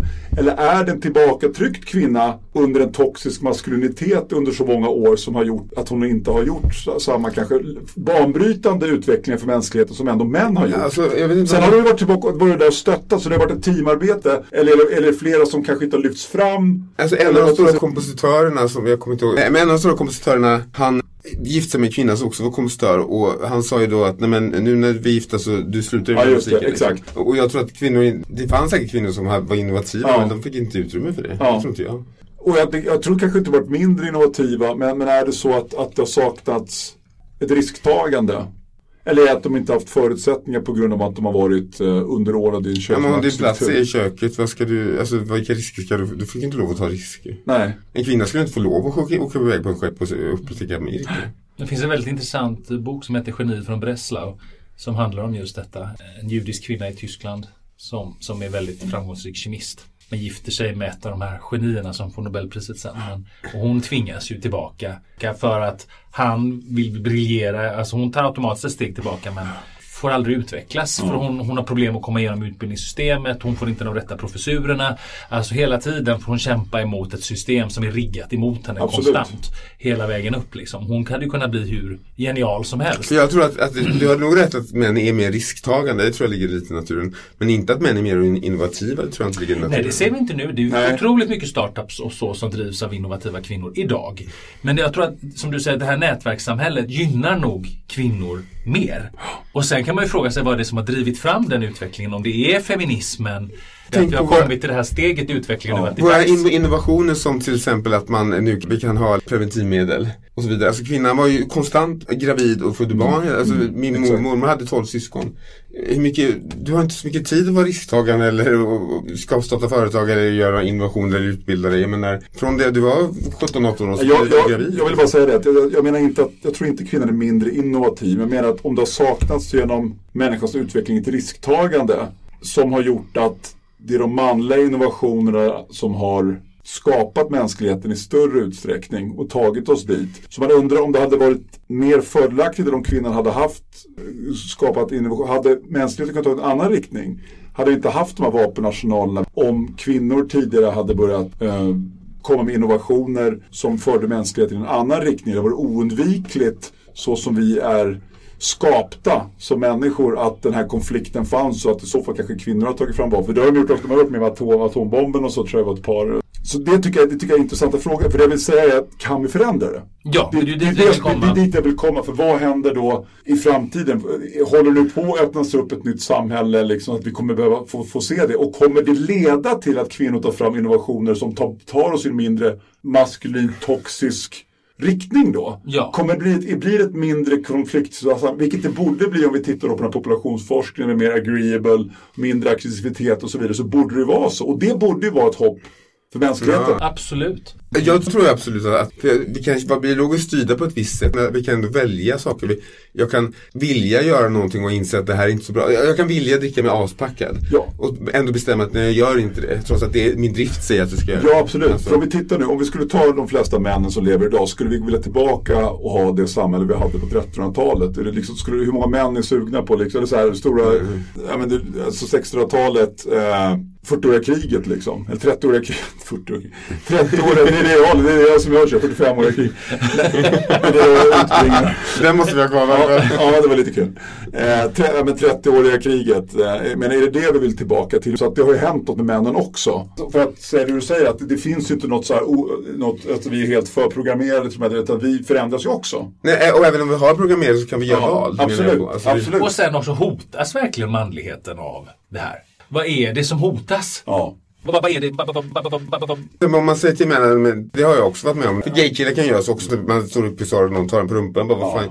För det undrar jag, varför tror du att du får lov till det? Var, Ja. Inte för att jag blir psykiskt skadad av det. Nej. Jag kan bara, men dra åt helvete. Men bara måste göra så. Det, det är det väl inte eller? Jag tycker det är jättefascinerande det du säger. Nej men jag tänker så här, vad är det männen är så rädda för att förlora? Är, är det det att, att jag får inte våldta en kvinna och knulla henne när jag vill? Är det för att jag inte får ta henne på bröna när det passar mig? Är det det som är så farligt att bli av med? Frågan är, det, det är superintressant man tittar då på vad eh, David Eberhardt och många av de här säger då som, eh, som är med i biologistiska tänkande och som är väldigt antifeminister. Så är det då att man tänker att det, på något sätt är det här ju skadligt för oss. Man pratar ju alltså, i vissa kretsar att det här är något som är lika extremt som nazismen. Alltså att, att det är så extremt med hela den här liksom, identitetskulturen. Och nu, ska, nu är minsann svarta lika mycket rasister som vita var och vad ska vi komma av det?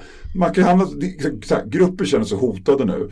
Men om man nu tar det de säger, är det så att om inte män får leva ut sin maskulinitet, sin förprogrammerade aggressivitet och allt det här som måste någonstans, som måste få levas ut som man, om de inte får det, vad händer med de männen? Kommer de slås ut, kommer de dö, eller kommer de liksom, för det är ju som i, blir det franska revolutionen liksom. Till slut kommer de här männen gadda ihop sig så kommer de bara slå sönder allt som finns och göra just det som du pratar om, att man börjar, då spränger vi den här skiten. Alltså att det kommer skapa sådana utanförskap för män att det kommer sätta igång konflikter som vi inte ens kan se än. Alltså så att det är inte så att de tappar bara sitt privilegium utan det kommer leda till i, i förlängningen en sån otroligt destruktiv konsekvens för mänskligheten. För det är väl det man skulle kunna tänka. Men det är ju Ah, mer annars- jag, ja, det är jättespekulativt. För jag känner mig inte, jag är inte hotad för fem öre. men det är det jag menar, liksom. För, gärna- för det, det du säger då är att jag kan vara aggressiv jag vill. Jag kan, gå och träna, jag kan träna kampsport. Sen kan jag ju känna på vissa arbetsplatser att man ibland där det inte kanske premieras, men i offentlig sektor och så, så kanske inte så ett utlevande liksom flamboyant manlighet är det som liksom premieras, utan det är ju liksom en samling betahandlar som springer runt. Nej, jag ska inte skoja om det. på vilken arbetsplats? Det beror på vilken arbetsplats, men alltså till viss del kan det ibland vara så att man kan känna sig utanför. Men på något sätt kan inte uppleva att det är ett gigantiskt problem. Och, och jag tycker nog att män vinner på ett mindre aggressivt stämning. Och att behöva liksom leva upp till det och framförallt slippa så sönder varandra, det är väl, det är väl alldeles utmärkt. För det, det, Ja. det du Ja. säger om den här forskaren, det låter ju som att ungefär, nej, men antingen måste män fortsätta göra sexuella övergrepp, eh, slå ihjäl varandra, eller så kommer männen förinta hela världen. Det finns bara de två alternativen. Ja. Det är väldigt spekulativt. Det är väldigt liksom... Alltså någonstans, vi ser ju vad som har hänt, alltså vi har ju, vi har ju ett historiskt facit hur vi har betett oss innan. Ja, och jämför det Ja. med nazismen. Det är inte så att Nej. feministerna säger att vi ska gasa ihjäl alla män. Liksom, eller, alltså, Nej, det är men det är väl det med Black Lives Matter som man hävdar nu och att man sätter sig att, att det finns en rasism mot vita. Ja, men det, Eh, det är inte så att de säger inte att vi, we're gonna kill white lives. Alltså, det är inte, de säger bara att våra liv ska vara värda också. Inte att vi ska döda alla vita. Men det är väl vissa som sa, och hon den där Osman eller vad hon heter som pratar om att hon hatar män. Men när hon förtydligar så menar hon att hon gör ju det för att det är en grupp som ändå har makten. Att du kan hata den starkare på något sätt. Sen, sen hat är ju ett starkt ord. Och Ja, kan, det är ett dumt ord, Ja, det är ett dumt ord tycker jag. Men, men allt handlar om vad- vi får konsekvenser. Om det är så att det blir ännu mer negativt. De, de köper ju inte den här bilden på att det har varit ett manligt förtryck utan de menar på att det har funnits, ett, det funnits någon sorts konsensus hur människan har valt att leva. Där båda könen har tjänat på det. Men där är så kvar för de här konsekvenserna då. Men om, vi, om det här sättet att leva, tänka, inkludera kommer skapa lugnare samhällen utan konflikter med, då är det ju fantastiskt. Ja. Då är det ingen som förlorar på det. Men om det finns en grundläggande manlig aggressivitet och sånt som fucking take it or leave den måste ut på något sätt. Vi måste bara kanalisera det. Men om män, pojkar inte får leva ut de delarna som vi kan kalla toxisk manlighet då, eller macho, våld och alla de här sakerna. Om vi liksom kväver det, blir det ännu värre. Är det som att liksom förbjuda alkoholen så börjar det poppa upp svartklubbar. Så tror jag det, om vi i det offentliga rummet tar bort det helt. Att man inte får leka så, du, du, du, du, du könet är bara något som inte sitter någonstans i någon biologi utan det är bara konstruerat. Vi ska konstruera om det här på något sätt. Om det då kommer leda till en stor utanförskap och en viss antal män som kommer vända sig mot det här och då pratar vi war for real. Att det blir ännu värre än någonting vi har sett. Det är väl det man kan liksom diskutera. Annars ser du bara, annars är det positivt. Kan det bli Ja, ännu för jag, jag tänkte just Det det, är väl egentligen ingen som Ja, det finns ju extrema grupper som menar på att, att det måste liksom strukturera om och göra om könen och så här. Men de flesta vill väl egentligen bara att, att män ska bli mer civiliserade. Alltså Ja. respektera en Ja, kvinna. Liksom. Men så säger hon nej i sängen så Ja. gör något annat. Ja. Alltså förstår du vad jag menar? Det är, liksom inga, det är ju inte så att man ska tvinga folk, nu får inte kolla på Tipex, Tips Extra på lördagar, du får inte gå ut och ta en öl med polarna. Jag kan inte se hur manligheten, män kan ju fortfarande vara män. Ja, ja jag, jag, jag känner Det låter så hotet. extremt det du säger att då, då skulle männen förgöra hela världen som någon hämndaktion för att de inte får eh, förtrycka. liksom. Alltså, Det blir så väldigt konstigt. Alltså, Nej, jag, Nej, nu det, är inte, det är inte förtrycket du pratar om här. Nej, nu tycker jag att du tolkar mig. Jag, jag tänker om det faktiskt är så att det är det som blir konsekvensen så är det ju negativt. ja, men varför skulle det bli så? Tror, tror du verkligen det? Det är ju om man tror det som man pratar om det i forskningen, att män har de här inneboende, de har en aggressivitet, de har det, alltså på populationsnivå. Det är det jag tolkar det som att man är rädd för i alla fall. Och att de här, alltså det, att det kommer leda till en fascism från andra hållet. Att nu är det fult att vara man och man gör sig till offer och vi män, vi kommer bli undertryckta och så. Och leder det här till ett nytt förtryck där män kommer hålla sig i reservat och, och du vet, använder som spärr. Nej, men jag, jag, jag, jag pratar bara om, om, om det, en möjlig konsekvens, för annars ser jag inget negativt i det. Jag ser inga problem att grupper får höras. Jag ser inga problem med, att, med, med, med, med rättigheter och mindre våld i samhället. Det är väl fantastiskt. Men om konsekvensen, eftersom vi är, har de biologiska egenskaper som vi har, blir något mycket värre än vi kan föreställa oss. Men Så det den... Det är Men, väl men det- vem det- det- sätta det- in män i läger? Nej, men jag säger inte att det kommer bli så, men jag säger att Nej, det är så långsökt så att det... Ja, men jag tror att det, men vad är man annars rädd för då? Vad tror, du, vad, vad tror du att man är rädd för på högerflanken? Att inte få ha kvar sin, sin maktprivilegier. Alltså. Nej, men jag Ja, men tror är det han- bara rädd för att dela med sig lite eller tror du att man faktiskt är orolig på riktigt att man kommer bli liksom marginaliserad, att det kommer leda till män som Alltså, dör och blir helt på, utstängda? om vi tänker så här då, alltså, det är ju fortfarande så, till och med i våra länder som är mest jämställda, att det är mer män som sitter på höga poster i all, i stort sett överallt. Att tro nu att män ska bli förtryckta, det känns väldigt långsökt. Nej, Ett det var värld, väl värld, inte- värld som, där män styr nästan allt. Ja. Men vad, vad, ja. Och, och du tog, tog Black Lives Matter. Eh, Nu vet jag att det, i deras rörelse finns marxister och sådana här ganska extrema vänstermänniskor. Men jag har ju aldrig hört någon som stödjer Black Lives Matter säga att nu ska vi vända på det här och vita ska bli slavar och vi ska ha rasförtryck mot vita. Har jag aldrig hört någon säga. De har bara sagt att vi vill vara jämställda. Så då att vita bara, ni vill förtrycka oss. Nej, det är väl ingen Men som sagt. alltså, jag, jag liksom. förstår ändå vad du säger liksom för att Jag vi ser ju, vi jag tror ser ju det backlashen redan. Ja, de kan uppleva det så, men det, det bygger på en paranoid konspirationsvärldsbild som inte stämmer. Det är inte att kvinnor vill förtrycka män. De vill bara ha mer jämställdhet. Alltså jag har aldrig hört någon som har sagt att män ska liksom spärras in i läger och det, det skulle aldrig gå halva mänskligheten. Jo, det finns faktiskt feminister som har sagt Ja men då är de, de är fåtal extrema alltså. Ja, de är väldigt få. Jag menar, alltså det, det är så långsökt. I förlängningen handlar det ju om alltså, grundskillnader mellan höger och vänster och vad, vad som ligger i det mänskliga ansvaret. Så är det ju med allting med brottslighet och att där höger med men tycker att men, men svarta i USA får ta sig i kragen. Det är en toxisk manlighet där folk skjuter ihjäl varandra. Får sluta skjuta varandra och ta tag i sina liv. Det är så man tänker. Mm. Medan man med andra aspekten att de har inte samma förutsättningar och så de blir diskriminerade. Och Black Lives Matter handlar om att inte polisen ska mörda liksom, folk som redan är fastbundna eller skjuta folk i ryggen och sådana, sådana saker som egentligen också är fel. Jo, det är klart att det, det är, Det är klart, det klart- professorrörelsen började Ja, det är klart början. det är fel. Men där lyfter ju debattörer fram en statistik som visar att det är mycket fler liksom svarta som skjuter svarta och många vita som blir skjutna också. Det kanske Så- det är, men det, kanske det, inte- det rättvis Ja. ju ändå inte Ja. att polisen ska kunna skjuta ihjäl svarta på ett annat Absolut sätt. än- inte. liksom. Jag tror att det finns mycket mer underliggande rasism eh, på grund av dess historia än vad man kan tro. Jag ställer mig frågan vad man är orolig för. Och vad många debattörer är oroliga för det är att det får konsekvenser att hämma naturliga manliga beteenden. Det tror jag. Och så tror jag att man ser på historien på ett annat sätt. Att visst, vi kan säga att män har förstört saker och varit aggressiva och så här. Är det bara så? Men så funkar människan. Vi, vi kan inte ändra det utan det är så vi fungerar och det korrelerar mycket med andra arter.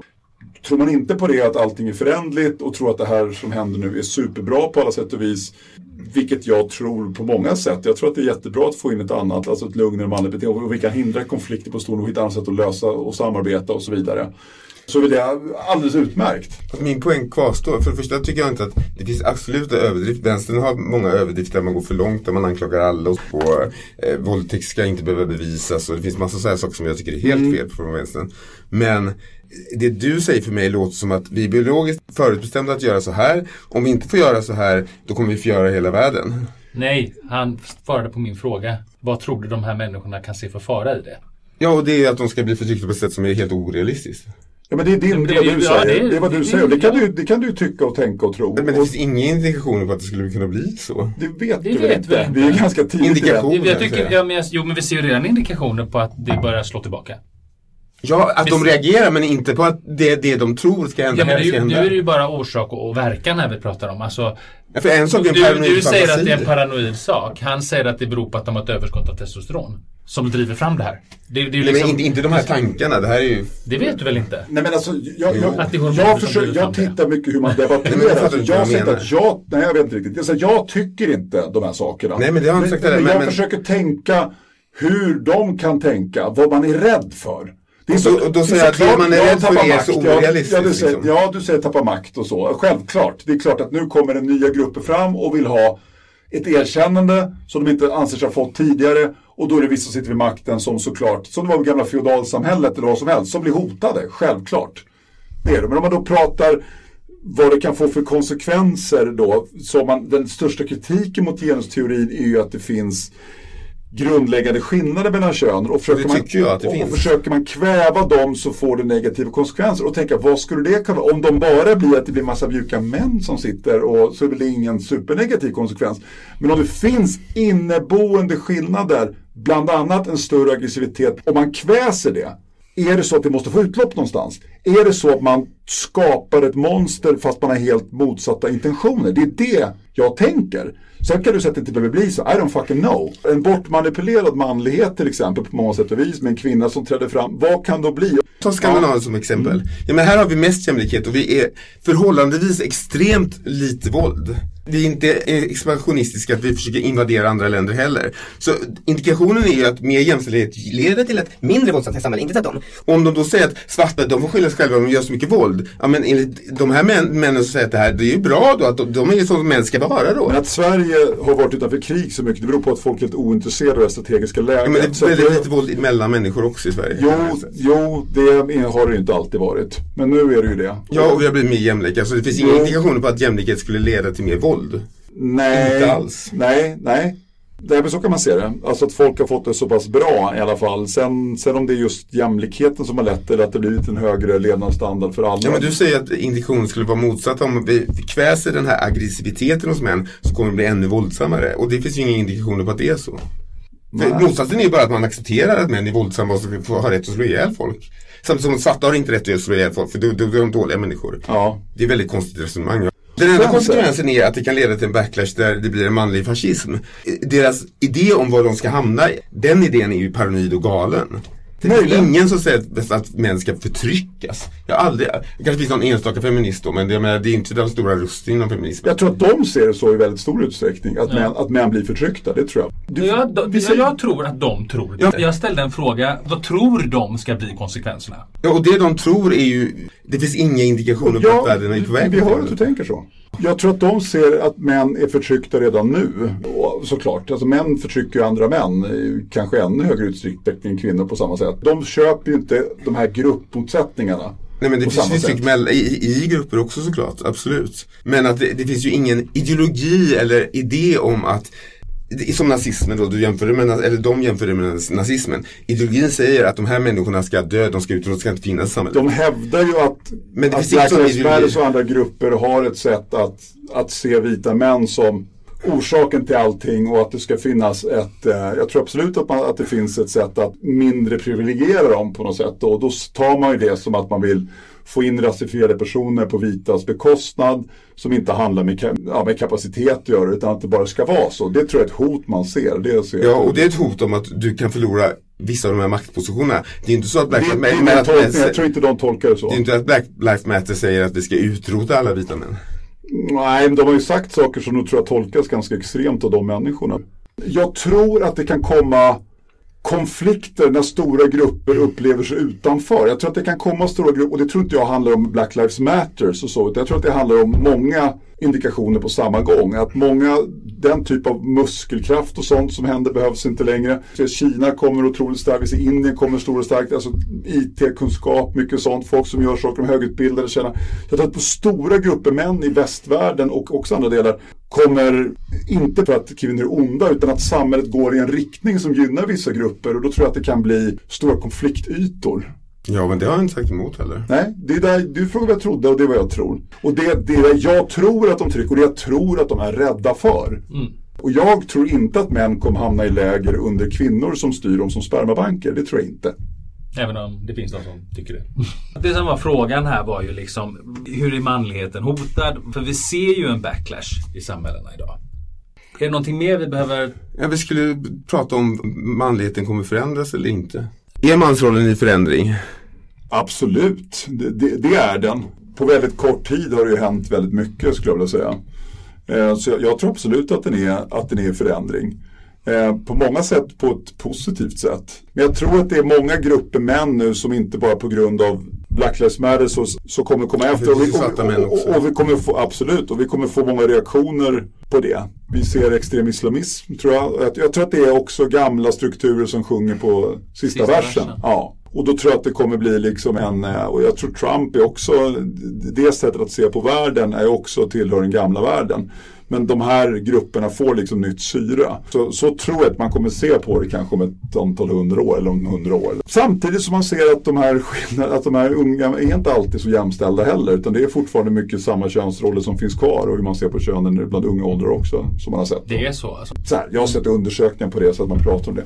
Jag tror inte att manligheten är hotad, men jag tror det är många saker som på kort tid har förändrats vad traditionellt en man ska göra. Men att vi skulle liksom gå under för att vi inte får slå ihjäl folk.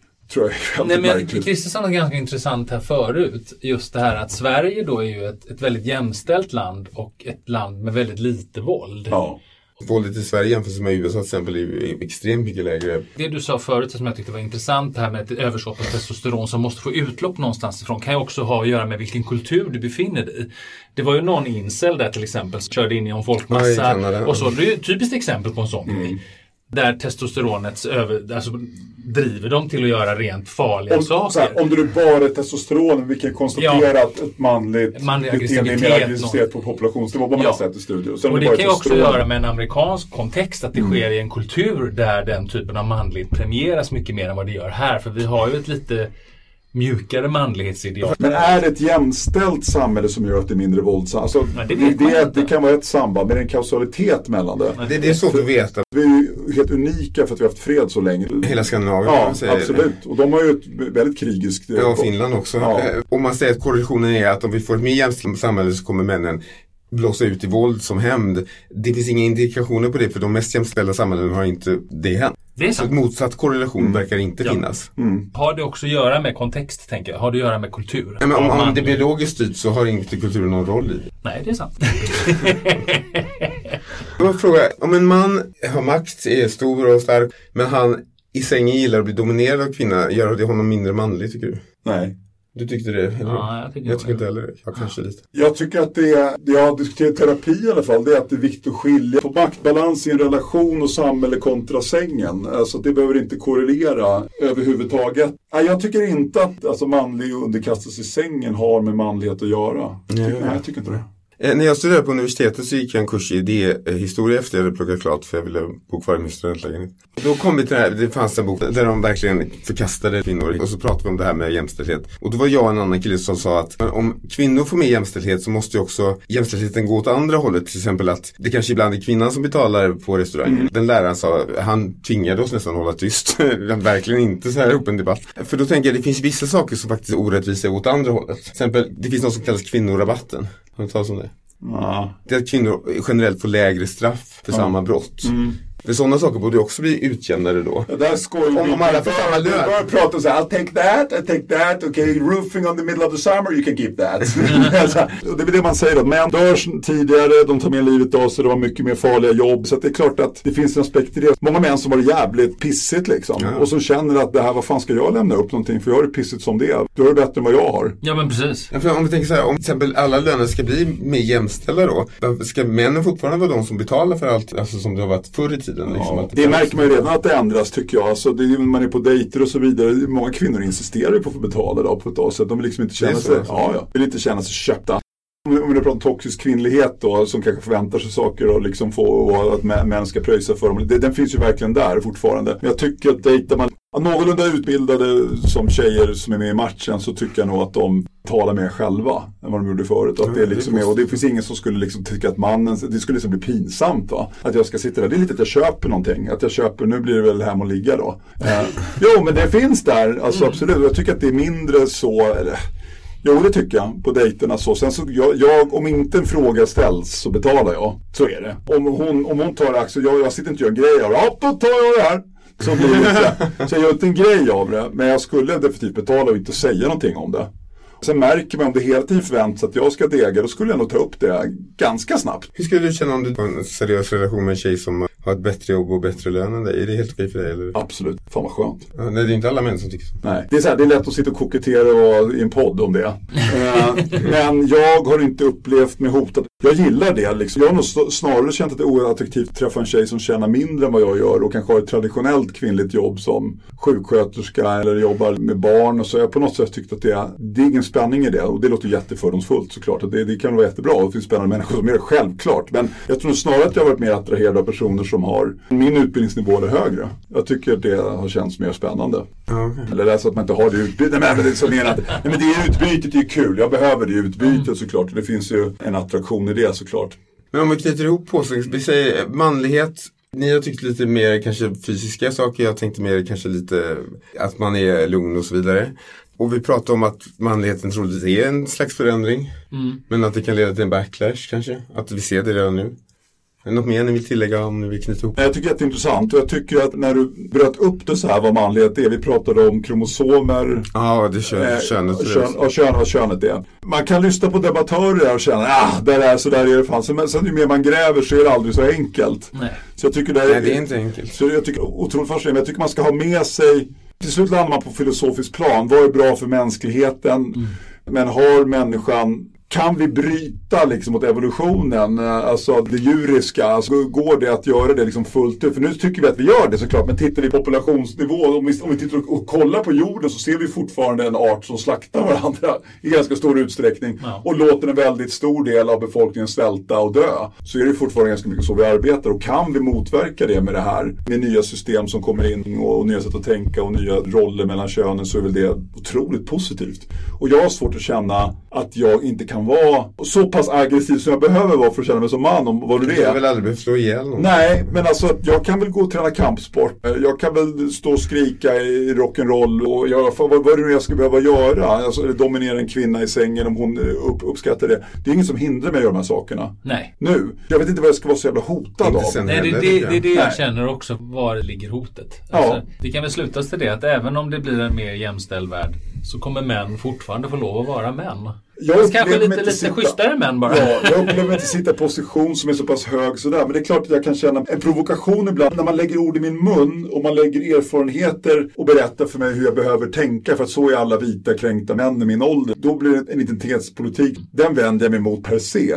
Men mjukare män som tar ansvar och inte är så hierarkiskt lagda låter ju positivt. Om det inte är så att de här hierarkierna är fullständigt nödvändiga för att vi ska kunna överleva. Det får vi se. Det får vi se. Men är det mjukare att inte inte vilja typ våldta, om jag tar det extrema exempel, våldta och slå ihjäl folk. Är man mjuk för det? Alltså, man kan väl vara tuff ändå alltså. Mot tänker jag snarare att hindra någon från att bli våldtagen. Det ser jag mer som men en det, där, men det, där, men det där är ändå de delar av manligheten som kan riskera mänskligheten. Och sånt. Om vi kan få ner det och lösa konflikter på annat sätt så är det bra för människan. Sen så är det klart att du kan vara manlig utan att slå ihjäl någon. Men om vi pratar att det finns skönt att vara aggressiv, det kan jag tycka att det är.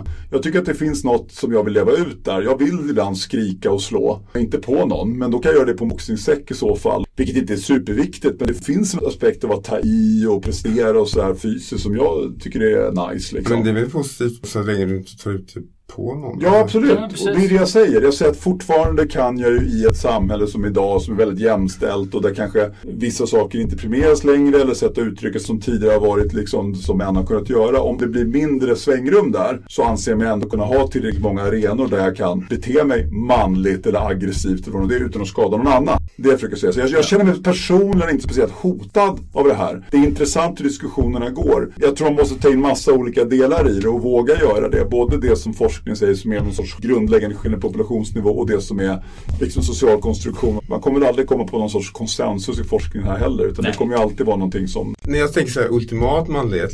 Aggressivitet är en del av manlighet men jag ser inte det som det the pinnacle of masculinity. Alltså, jag tänker mer så här att de manligaste männen är väl snarare de som faktiskt förhindrar det här. Till exempel någon i krig där de andra soldaterna våldtar och slaktar. Den som går in och säger stopp. Ja, ja. Har modet att göra det. Det ser jag som mer manligt än de som går på sådana som inte kan försvara sig och är försvarslösa och bara slaktar dem. Jag håller med Det finns ingen manlighet med att slå ihjäl ett barn när du är vuxen man till exempel. Det är Och jag, jag helt tror att, omanligt att- tycker jag. Men, ja. Men jag tror också att vi, åtminstone du och jag, som kommer från en annan manlig kultur så att säga, kan se ett annat manlighetsideal. Jag menar, vi kan gå ut bland våra vänner som är gay och se att här finns det otroligt mycket manliga män som inte behöver göra avkall på någonting men ändå kan vara män i ett jämställt samhälle. Det här kommer inte från våra gayupplevelser. Nej men mina föräldrar när jag var liten, alltså att vara flera och gå på en eller att gå på någon som inte är förberedd eller försvarslös. Det är omanligt och fegt. Vad, vad jag fick lära mig, det, det kommer inte från gayvärld, det kommer från mina föräldrar. Nej, nej, men jag menar mer generellt. Är man stark liksom måste man vara snäll och så Ja vidare. men liksom, även inom Spiderman. Ja, eh, Även Spiderman ja men det är har- sån här manlighets liksom, Absolut. ändå. Och hjälten är ju schysst alltid. Det, det, han kan ju också... Hjälten är den som försvarar han kan fortfarande de vara här- aggressiv och macho men han är ju fortfarande liksom eh, schysst. Ja, han hindrar de Ja, ja. som vill föröva och våldta och, och skada andra. Och det är Ja. den ultimata Det, manligheten. det jag tror, någonstans blir ju frågan sagt, är, är den så pass lite biologistisk, den, den, den, den större manliga aggressiviteten, att vi kan stoppa den så som vi försöker stoppa det nu, att barn ska leka på andra sätt med olika beteenden kan vara accepterat. Då är det jättebra. Men är det så att man skapar ett stort manligt utanförskap med män som inte följer med det här, som inte anses vara värda, men som ändå liksom finns där, då är det grogrund till konflikt, tror jag. Mm. Det är lite så jag ser på det. Och glöm det här med manlig reservat, det tror jag absolut inget på. Det var ju de skriks på den extrema sidan. Men risken som jag ser det kan bli det att det är män som liksom inte accepterar det här och kommer utanför. Och någonstans måste vi inkludera de männen också. Det kan hända att två pojkar bråkar och att man inte går in för att men det är om den ena börjar verkligen misshandla den andra och som är underlägsen och gör den riktigt illa. Då ska man det, det har ju föräldrar alltid gjort. Kanske inte på 1500-talet, jag vet inte. Men, ja, men det gjorde ju våra föräldrar också. Då accepterar inte att en kille slår ihjäl en annan eller misshandlar så åt någon annan. Det har aldrig varit accepterat. Eller? Ja, vissa grupper har det nog varit det. Ja, men nu går vi in på klassfrågor. Men, det, det, men alltså, att det var okej att slå sin kvinna för 50-60 år sedan är nog inget allt för det. Definitivt. Och det var Förut då kanske det inte var det, men det var ju så att man inte pratade om. Nu ska vi inte gå in på klasskillnader här, men alltså, det är också en sån här klassisk grej. Det här du pratar om nu, med att man sätter två, sätter så en och så. Det är ju kategorier som kommer borgerligheten. Alltså i underklassen förr i tiden så hade man inte Vi blir nu tvungna att bryta här. Ja, som ni hör kommer vi nog inte längre än så här. Åsikterna och tankarna spretar. Men det var en intressant diskussion om manlighet, mannens framtida roll och öde. Vi önskar er alla en fortsatt underbar sommar. Njut av klimatvärmen som mest kan skyllas på män. Fast kanske inte, det är ju ändå kvinnor som shoppar upp alla pengar männen tjänar. Fast det var det kanske mer förr i tiden. Mannens roll är ju under förändring som sagt. Ha en skön sommar. Och vi säger hej då. Hej då!